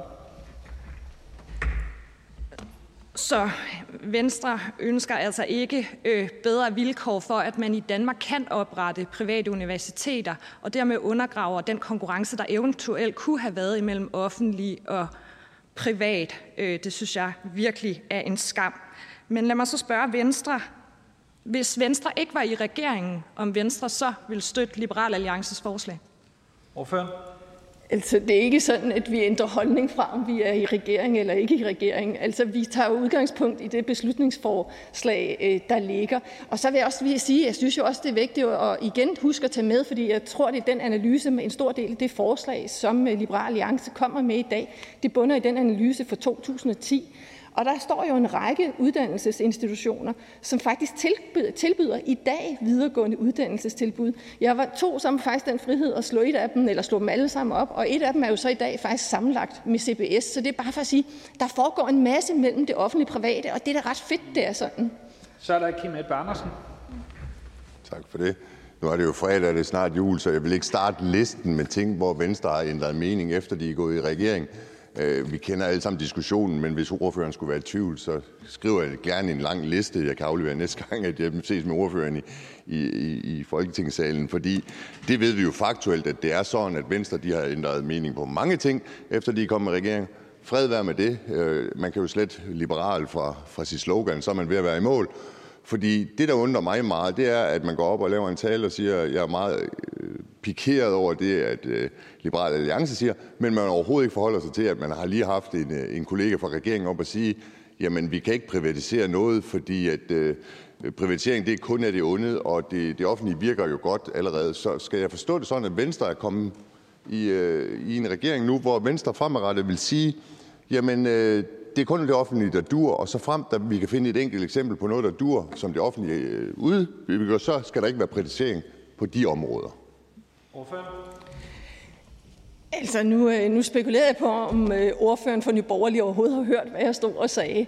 Men hvis man følger det, der sker i universitetsverdenen, så ved man, at der foregår og pågår et kæmpestort øh, samarbejde mellem det offentlige og private, og at du har rigtig mange virksomheder i Danmark, som er særdeles glade for den samarbejde, det samarbejde, der er, øh, og de muligheder, det giver både for, for deres virksomheder, men jo også for, at de på den måde er med til også at løfte den opgave, der hedder, at vi bliver ved med at have velkvalificeret, dygtig arbejdskraft i Danmark. Spørgen? Jo, men jeg, nu har jeg også gjort mig nu med at læse det, der står i lovforslaget, og lige nøjagtigt det der, det har Liberale Alliance faktisk fortalt, at det vil være en af kritikerne. Men, men vil øh, Venstres ordfører så ikke fortælle mig, hvad er det, der gør, at øh, ordføreren har belæg for at sige, at den samme øh, samarbejde mellem et privat universitet og private virksomheder ikke vil foregå? Hvad er det, der, der, som øh, ordføreren har som belæg for at sige, at udover akkreditering, som dybest set er det, der står i lovforslaget, man vil have lov til, hvad er problemstillingen så med at have et privat universitet? Fordi virkeligheden er jo, at hvis man kan få noget gratis, så vil de fleste mennesker vælge det. Og, og så er der jo ingen markedsmodel. Og det, jeg ved ikke om, det, det ved Venstre jo stadigvæk, hvad det går på på markedet. Jeg er faktisk nok lidt usikker på, hvad spørgsmålet endte med at, at være. Altså, det som, altså det, som vi jo ligesom mener her, det er, at der er indgået nogle politiske aftaler. Altså, det er jo et af de væsentlige argumenter, vi har indgået nogle politiske aftaler. Det er jo ikke bare Venstre, der indgår i dem. Det er jo, det er jo brede aftaler. Og nogle af de aftaler kommer altså til at have ganske stor betydning for vores universitetslandskab, for vores uddannelseslandskab. Og det er vi jo også nødt til, samtidig med, at vi har faldende årgange. Det er jo noget, de kæmper med. Altså den anden dag, der havde vi øh, øh hvad hedder det, besøg fra Esbjerg omkring, hvor, hvor massive fald der er i årgangene. Øh, så det synes jeg også, vi har et politisk ansvar for i forhold til de eksisterende øh, uddannelsesinstitutioner. til ordføreren. Og der er ikke flere bemærkninger. Næste ordfører er hr. Mads Olsen fra SF. Kom.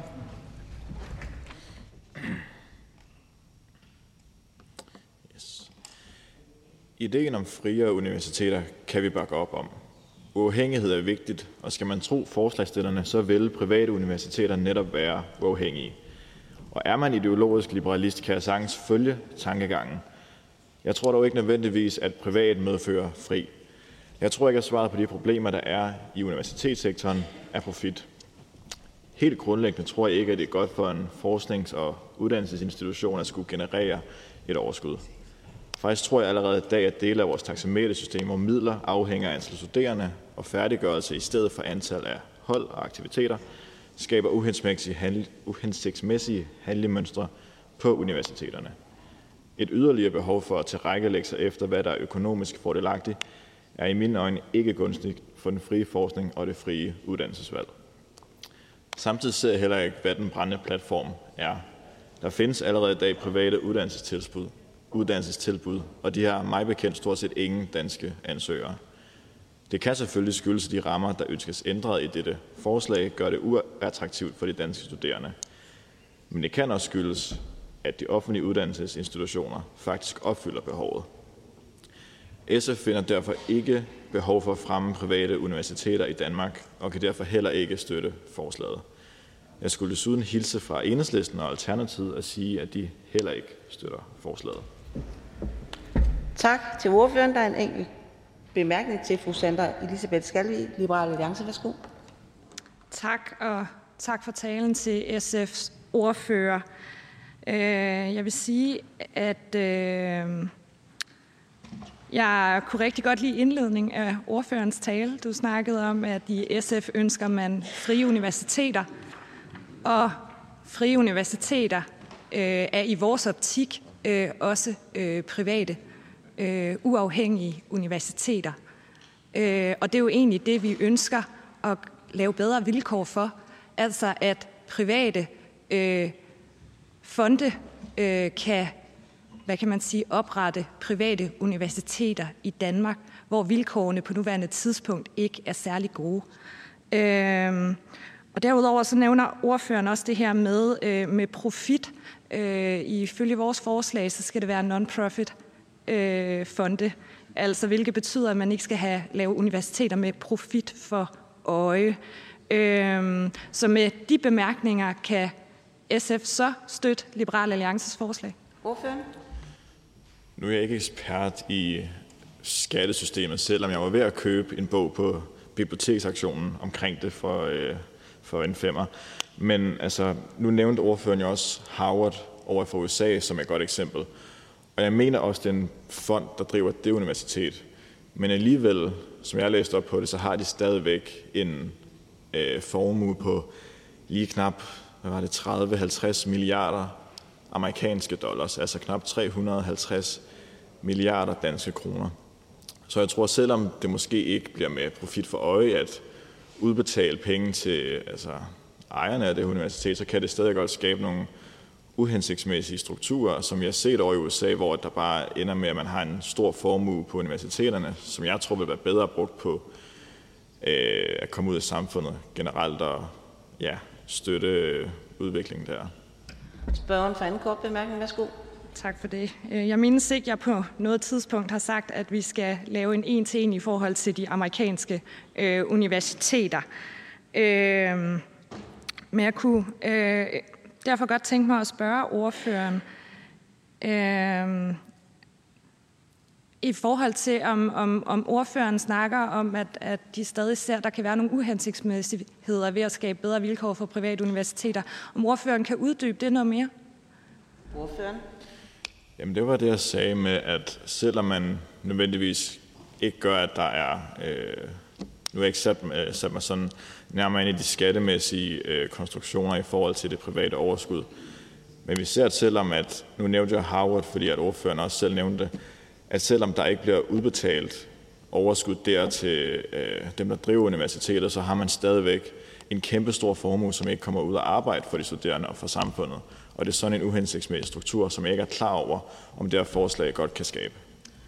Tak til ordføreren. Der er ikke flere korte bemærkninger, så vi går videre i ordførerrækken til fru Karin Liltorp fra Moderaterne. Værsgo. Tak for ordet. I Danmark har vi jo tradition for, at det offentlige udbyder universitetsuddannelser. Liberal Alliance ønsker med beslutningsforslaget bedre forhold for private universiteter, så de kan supplere de offentlige tilbud, og rejser dermed en helt relevant debat.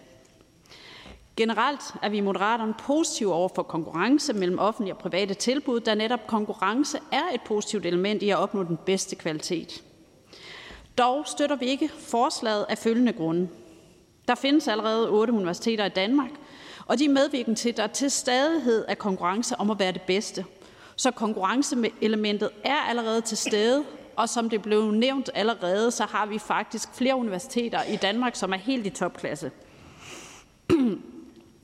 LA fremfører desuden i, i øh, forslaget, at fordelen ved private universiteter skulle være, at der ikke er politisk påvirkning Øh, nu har vi for kort tid siden sat de sidste underskrifter på forskningsreserven, som også ordføreren var med til. Og dermed ved ordføreren selvfølgelig også, og jeg kan forsikre om, at vi alle sammen fra politisk side havde stor fokus på armslængde. Både i forhold til at prioritere fri forskning rigtig højt, og ved at anerkende, at det ikke er os politikere, der skal detaljstyre, hvilke forskningsprojekter, der skal have pengene. Det overlader vi i høj grad til fonden og universiteterne selv, selvom der selvfølgelig er nogle overordnede politiske prioriteter. Vi er altså ikke bekymret for politisk indblanding i forskningen. Desuden ser vi allerede i dag, at der er et meget velfungerende samarbejde med private aktører, som står for en stor andel af den forskning, der bedrives på universiteterne. Derfor ser vi ikke i Moderaterne, at det nuværende system har større mangler, og vi ser derfor ikke et stort behov for privat øh, universiteter.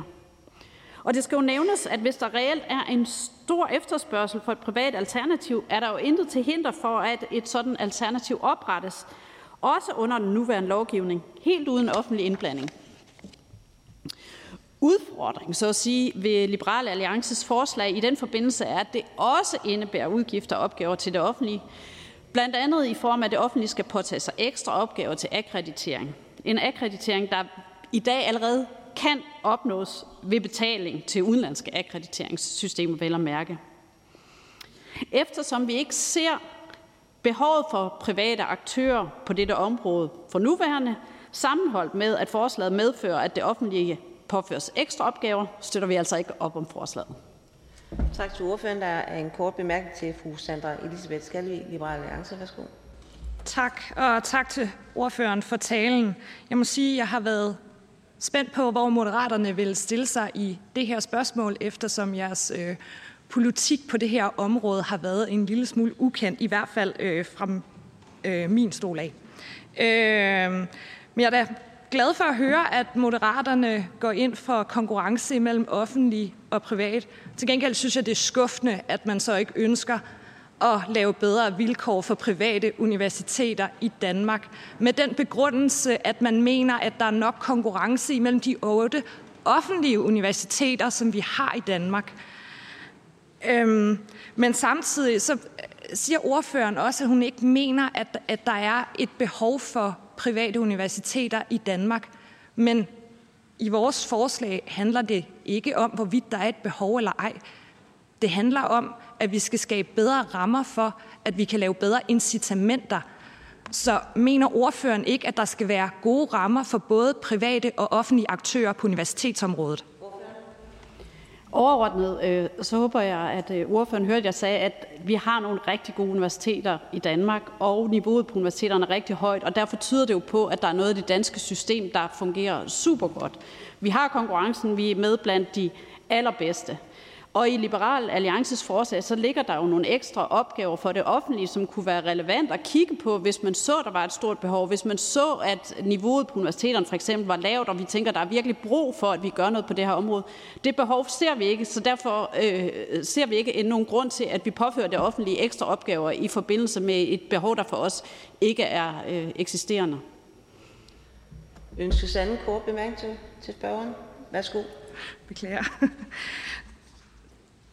Så, det vil, så, så jeg, skal, jeg skal lige forstå det rigtigt. I, I vil ikke give mulighed for, altså I vil ikke give bedre muligheder for, at man i Danmark har altså bedre mulighed, eller bedre vilkår for, at man kan lave private universiteter i Danmark, udelukkende med den begrundelse af, at de offentlige universiteter er dygtige nok? Tak. Øh, vi anvender ikke direkte tale i Folketingssalen ordføreren. Værsgo. Jamen, øh, tak for spørgsmålet. Øh, jeg kan jo gentage, at vi, vi synes faktisk, at universitetsverdenen i Danmark fungerer rigtig, rigtig godt, og vi ser heller ikke i den nuværende lovgivning, der er noget til hinder for, at man opretter private universiteter. Liberal Alliance spørger derudover om offentlige midler i virkeligheden til at oprette de her universiteter, og så kan vi sige, man skal jo altid overveje, inden man, man, man øh, bruger yderligere offentlige midler, om der er et behov for det, fordi vi går heller ikke ind for, at man unødigt bruger øh, øh, penge på et område, hvor vi ikke ser behov. Og eftersom vi synes, det fungerer godt i dag, så har, synes vi ikke, at der er behov for at, at bruge yderligere ressourcer på det her område. Tak til ordføreren. Der er ikke flere korte bemærkninger, så vi går videre i ordførerrækken til fru Marlene Harpsø, Danmarksdemokraterne.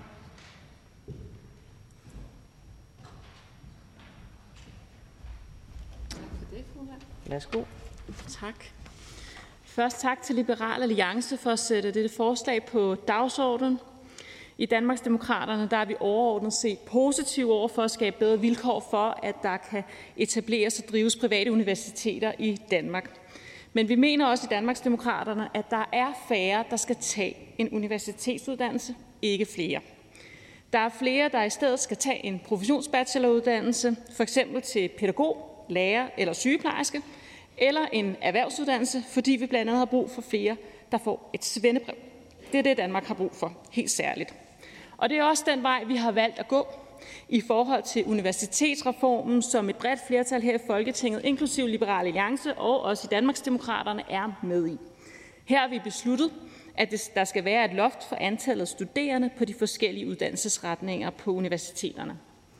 Derudover så er der et element i beslutningsforslaget her, som vi formoder nødvendiggør SU-forligskredsens opbakning.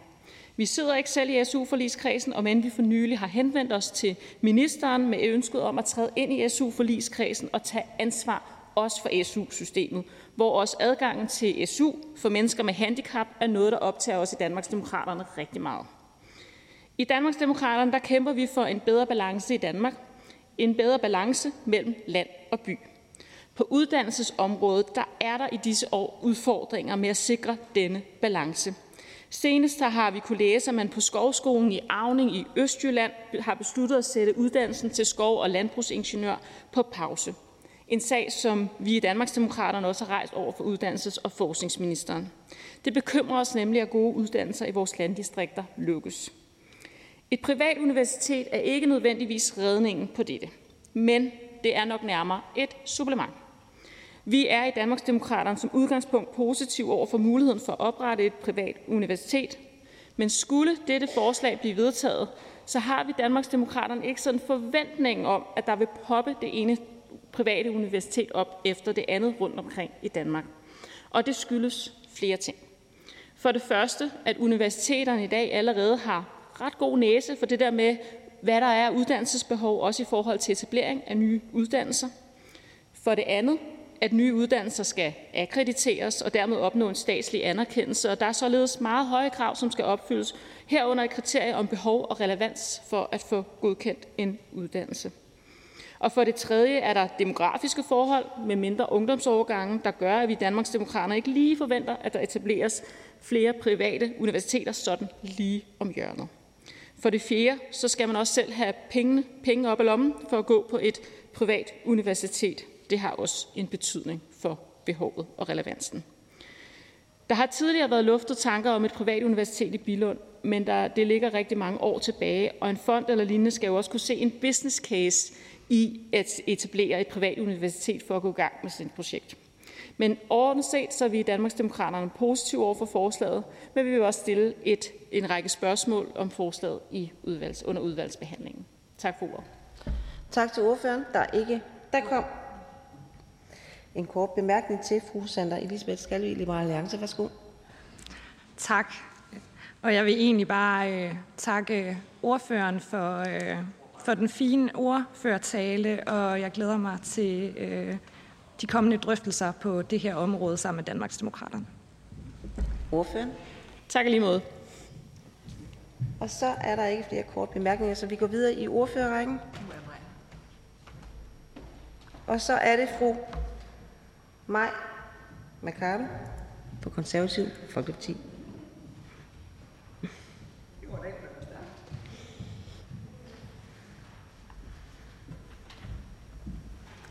Værsgo. Tak for ordet. Det var da lige med øh, på et hængende hår, at jeg nåede at komme ind i salen. Det er gået lidt stærkt. Øhm, jamen først og fremmest øh, tak øh, til Liberal Alliance for at fremsætte det her beslutningsforslag. Øhm, det er et beslutningsforslag, som har jamen, til formål at understøtte bedre vilkår for private universiteter. Jeg vil bare ganske kort sige, at øh, det bakker vi op om. Uh, vi bakker op om muligheden for at fremsætte en særskilt lov om private universiteter svarende til på skoleområdet for frie og private øh, skoler. Øh, så vi bakker op om øh, det her beslutningsforslag. Tak til ordføreren. Der er ikke nogen korte bemærkninger, så vi går videre i ordførerrækken. Og ja, der har været hilser fra den næste ordfører, så vi går videre til fru Katrine Ropsø, Radikale Venstre. Værsgo. Tak for det. Det er altid dejligt at få lov at diskutere uddannelsespolitik her i salen. Så for det, i hvert fald som start, vil jeg gerne sige tak for, at man har, øh, har fremsat beslutningsforslaget. Det undrer mig dog en lille smule, lad mig sige det bare mildt, at man fra LA's side tænker, at det er en rigtig god idé at lave en sektordimensionering på vores universitetsuddannelser, der gør, at der skal lukke universitetsuddannelser. 8 procent skal lukke på vores universitets, universiteter. Offentlige universiteter. Det er man i gang med nu, og skulle finde ud af, hvilke uddannelsespladser, der skal lukke der. Og så kommer man nu med et beslutningsforslag, der skal gøre det nemmere at så oprette de private universitetsuddannelser. Jeg ved ovenikøbet, at LA var meget fortaler for den sektordimensionering på vores offentlige universiteter. Så derfor så undrer det mig enormt meget, hvorfor er det, at man synes, det er så god en idé at lukke universitetsuddannelser på vores velfungerende offentlige uddannelser, og så samtidig synes, nu kommer med det her beslutningsforslag. Det synes jeg, og den timing i det her beslutningsforslag, har jeg meget svært ved at forstå. At man vil gøre det sværere for danske unge at kunne komme ind og tage en gratis universitetsuddannelse. For til gengæld at sige, nu skal vi så sørge for, at flere af dem kan få lov til at betale for en privat universitetsuddannelse. Og der synes jeg, der er en overensstemmelse i Liberal Alliances uddannelsespolitik, og jeg kan ikke forstå, at det er den vej, man har valgt at gå. Jeg er med på alle de ideologiske overvejelser, som man sikkert har i Liberal Alliance, men fra Radikale Venstre side kan vi i hvert fald se, at det her forslag, det hænger ikke sammen med de aftaler, man har lavet herinde i Folketinget, som Radikale Venstre ikke er med i. Og det kludetæppe, man er ved at lave i og prøve at få vores uddannelsessektor til at hænge sammen, der vil det her i hvert fald på ingen måde øh, gavne de diskussioner, der er på nuværende tidspunkt mellem vores universiteter om, hvilke uddannelser der skal lukke, og hvordan man skal få det til at hænge sammen. Og derfor støtter Radikale Venstre ikke øh, beslutningsforslaget. Tak til ordføreren. Der er ikke nogen korte bemærkninger, så vi går videre i ordførerrækken til hr. Mikkel Bjørn fra Dansk Folkeparti.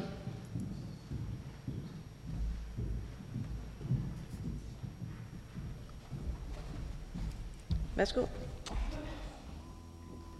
Tak for det. Det er et øh, spændende forslag, vi behandler i dag, og helt i tråd med regeringens vision om også at sætte det offentlige fri for at skabe et mere dynamisk, levende og frit samfund. Og at sætte universiteterne eller udbuddet af uddannelse fri i højere grad, end det er tilfældet i dag, det vil vi gerne være med til i øh, Dansk Folkeparti. For der er en lang række universitetsstudier, som i den, gang, i den grad trænger til at møde den frie konkurrence. Det er frist, at der er nogen, der tør tænke på en anden måde end den, vi er vant til i dagens Danmark, hvor det offentlige dominerer på stort set alle samfundsområder. Og når vi i Dansk Folkeparti godt kan se meningen med private universiteter, sådan som forslagstillerne også bemærker, at CBS og Aarhus Universitet faktisk startede med at være, ja, så er det fordi, vi kan se et mønster, især på nogle områder. Et mønster, der går igen. I det danske uddannelsessystem er der en tendens til, at visse studieområder bliver fastlåste i et bestemt narrativ, hvor temaer som undertrykkelse og racisme dominerer. Det kan i nogle tilfælde begrænse den frie tænkning og debat, som er essentiel for den akademiske verden. På nogle forskningsområder kender stort set alle aktivt udøvende forskere hinanden og beskytter også hinanden mod legitim kritik udefra.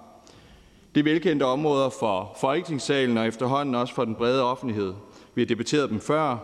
Det er kønsstudier, racismestudier, postkoloniale studier, migrations- og globale studier med videre.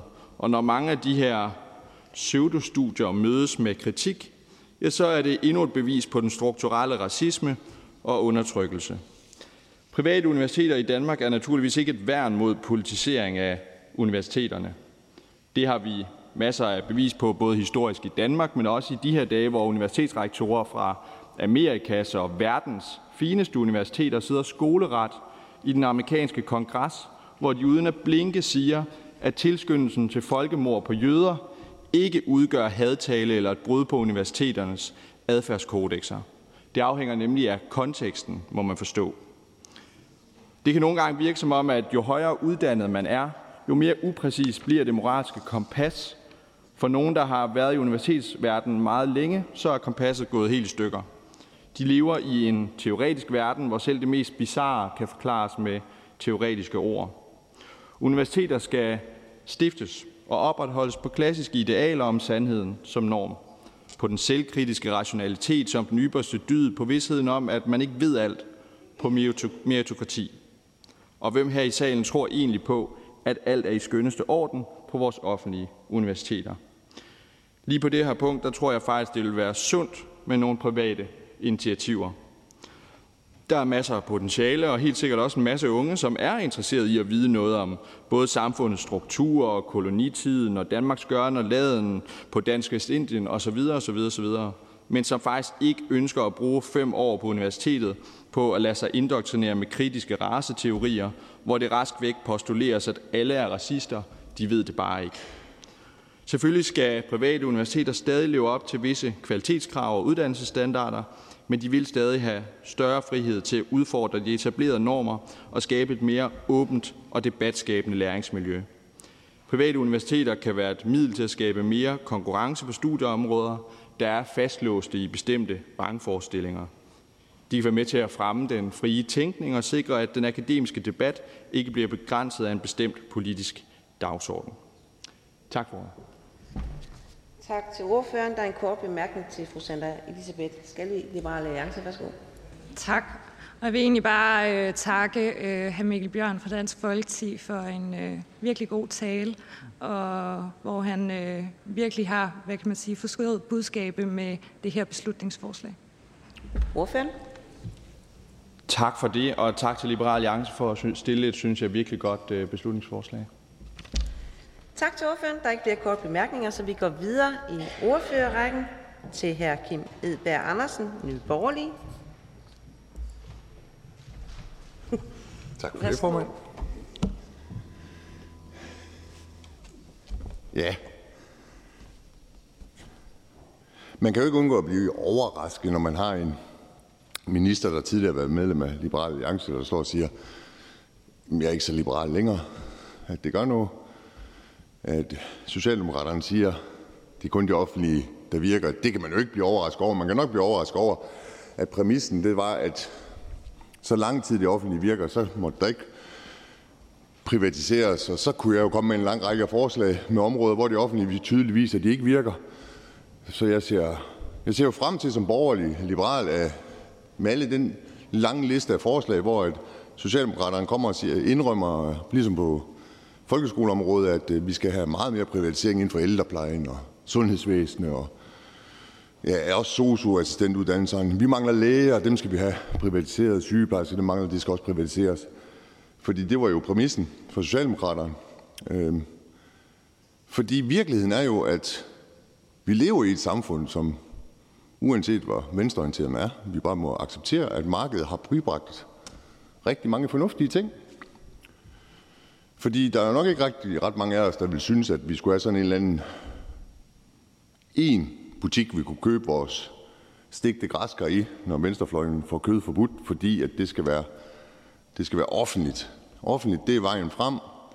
Og hvis bare man løfter opgaven og ligesom har gode stigte græskar, så er det rigeligt. Gud forbyde, at der kommer nogen, og egentlig bare, som Liberale Alliance siger, vil gerne udbyde en universitetsuddannelse på markedsvilkår. Det vil sige, hvis ikke der er kunder i butikken, så er der ikke noget universitet. Øh, hvis man nu vælger at lave en privat lægeuddannelse med rigtig dygtige læger, man uddanner, så kan de ikke blive akkrediteret. Øh, for det er jo det, vi snakker om. Vi snakker jo ikke om, at vi går ud i morgen og så øh, med høtyvene og faklerne og brænder de offentlige universiteter ned, fordi at de er blevet for gode, og det kan vi, vi borgerlige, vi kan ikke lide, hvis der er noget, der er succes i det offentlige. Det kan vi faktisk godt. De ganske få steder, hvor det er realiteten, der accepterer vi det da, for vi har gode universiteter i Danmark. Det har vi virkelig. Men konkurrence har da altid været med til at forbedre ting.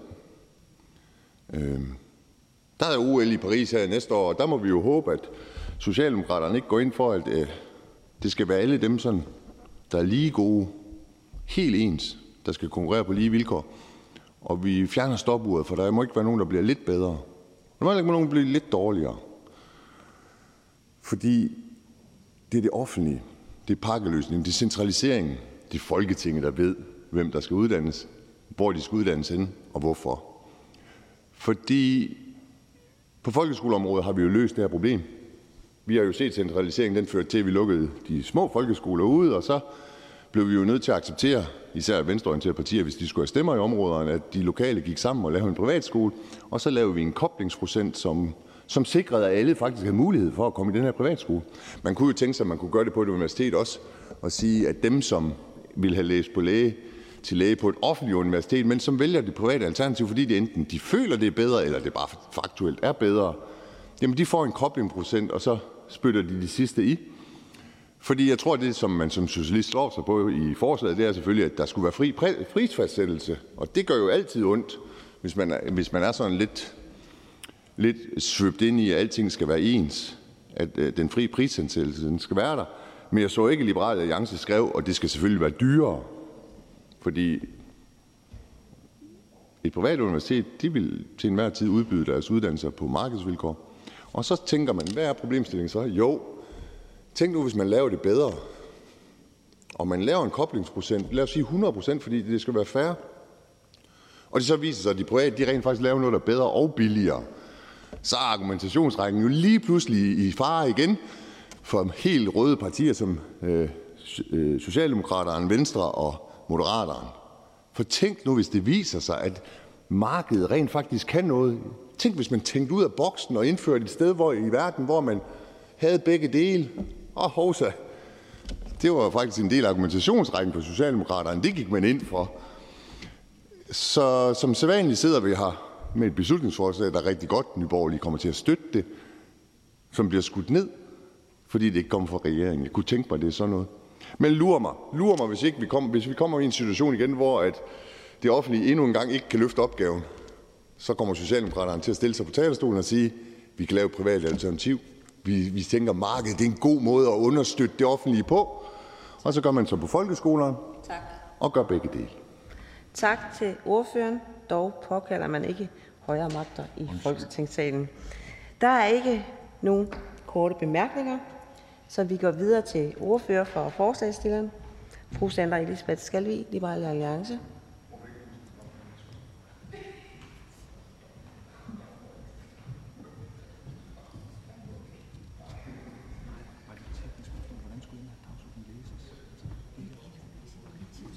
Værsgo.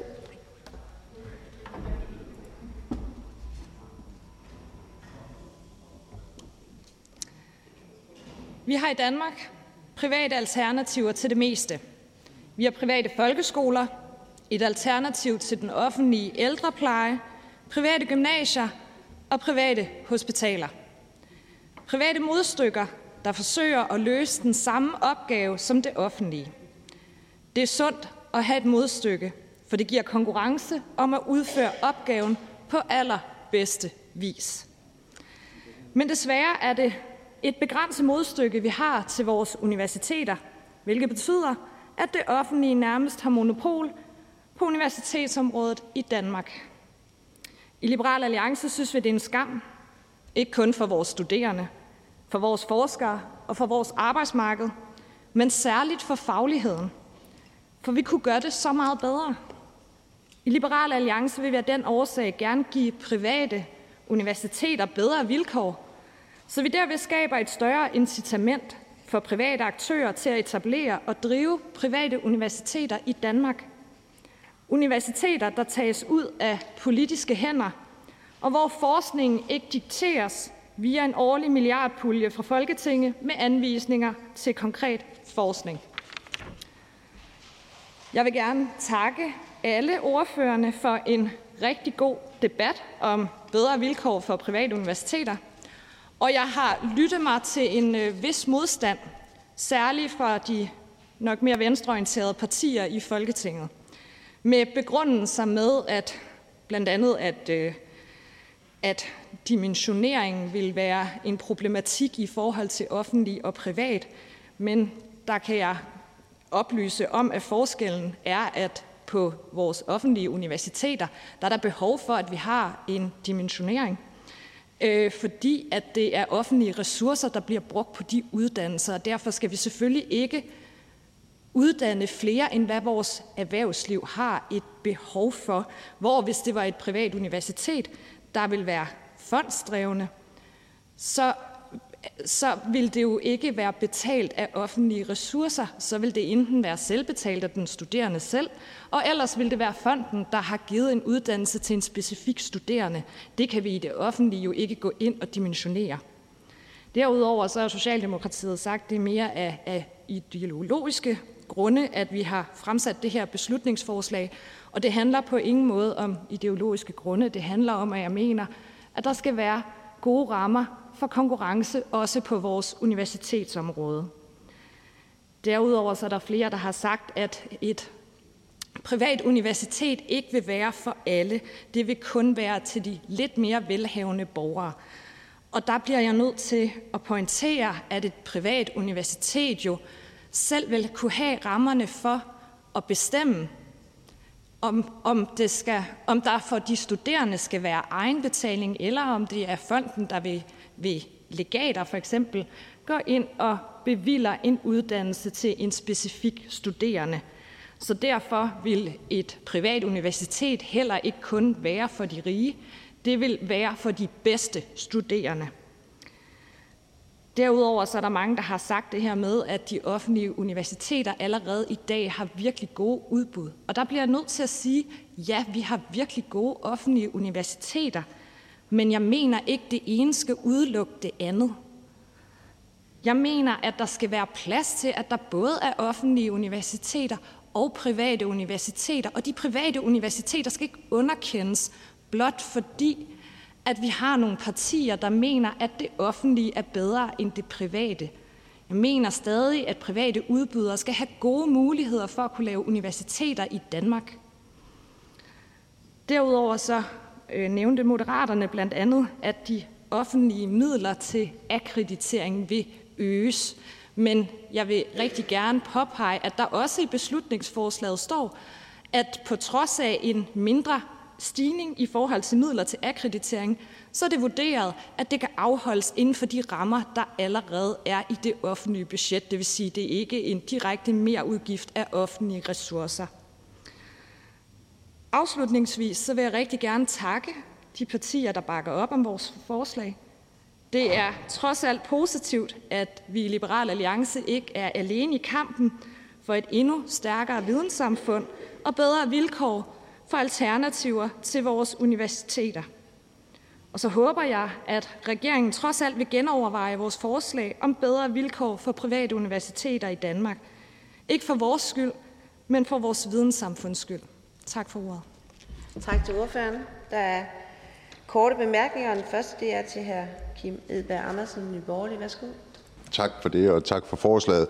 Nu var ordføreren jo op og, og, og ligesom fremfører hvorfor, øh, til at starte med, og efterfølgende så kom regeringspartier på, og så kunne jeg jo godt blive forvirret, fordi er det virkelig Liberal Alliances hensigt med det her, at, at ødelægge de danske universiteter, altså simpelthen hive tæppevinger under enhver form for videregående uddannelse, sådan det kun er Lego-arvingen, der har råd til at tage en videregående uddannelse i Danmark. For det kunne man få forståelsen fra, når man ligesom har hørt regeringspartierne, at det er jo det, der vil ske ved det her forslag. Og, det, og jeg, der blev jeg overrasket over, at Liberal Alliance kunne finde på det. Så, så er det virkelig det, at Liberal Alliance vil? Vil de virkelig sørge for, at det er 3, 4, 5 af de allerrigeste i Danmark, der får en uddannelse, og så alle vi andre, vi, vi, vi får ingen mulighed for det. Vi må bare være ufaglært resten af vores liv. Ordføreren? Nej, det er på ingen måde Liberal Alliances hensigt at øh, trække tæppet væk under vores offentlige universiteter. Vi ønsker, vi ønsker et supplement til de offentlige universiteter, og der er mulighed for, at nogen kan lave et supplement. Vi ønsker fortsat, at vi skal have stærke offentlige universiteter, og at alle unge mennesker har lige muligheder for at få en uddannelse i Danmark. Spørgeren?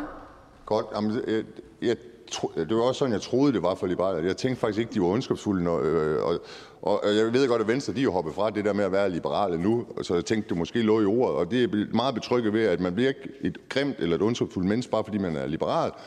Øh, og, og, og der bliver jeg bare nødt til at sige, så er det jo noget overraskende med en minister, der selv har været liberal engang, og et parti, som kalder sig liberal, øh, og som Moderaterne, det ved vi ikke lige, hvad de kalder sig.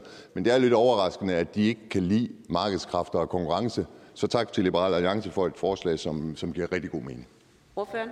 Tak til Nye Borgerlige for at støtte vores forslag. Så er der en kort bemærkning til fru Katrine Robsø, Radikale Venstre. Tak for det. Jeg er nødt til lige at, øh, at spørge ind til øh, lidt teknik i forhold til den aftale, beslutningsforslaget, og så koblingen til den aftale, som Liberal Alliance har været med til at indgå med en sektordimensionering, hvor man øh, altså skærer 8 procent på universitetspladserne på det offentlige. Er det, er det forslagsstillerens øh, forventning, at hvis man oprettede øh, flere private universitetspladser, gennemført forslaget her, så opret, blev der oprettet private universitetspladser, at man så skulle lukke tilsvarende over på det offentlige?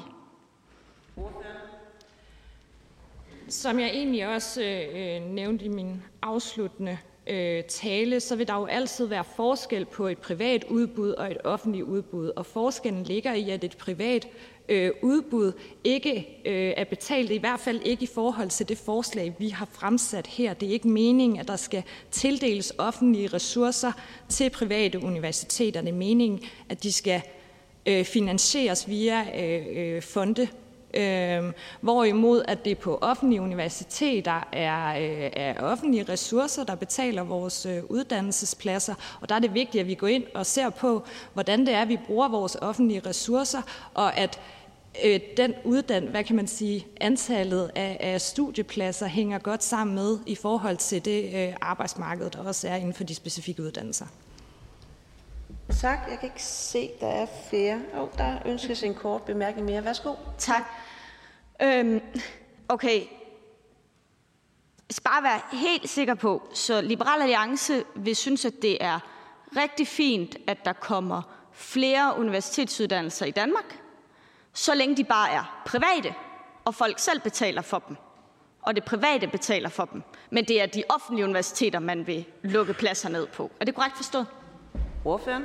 Jeg tror ikke helt, jeg tror ikke helt, man kan sætte det op på den måde, som, øh, som, som ordføreren stiller det op på. Det er korrekt, at vi overordnet i Liberal Alliance ønsker, at færre skal have en, en universitetsuddannelse. Men når det så er sagt, så er det jo ikke fordi, vi ønsker at underkaste øh, de vilkår, der er for, at et privat universitet kunne, øh, kunne etableres i Danmark.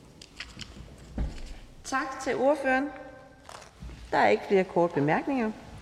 Og da der ikke er flere, som har bedt om ordet, så er forhandlingen sluttet. Jeg foreslår, at forslaget henvises til Uddannelse- og Forskningsudvalget. Hvis ingen gør indsigelse, betragter jeg dette som vedtaget. Det er vedtaget.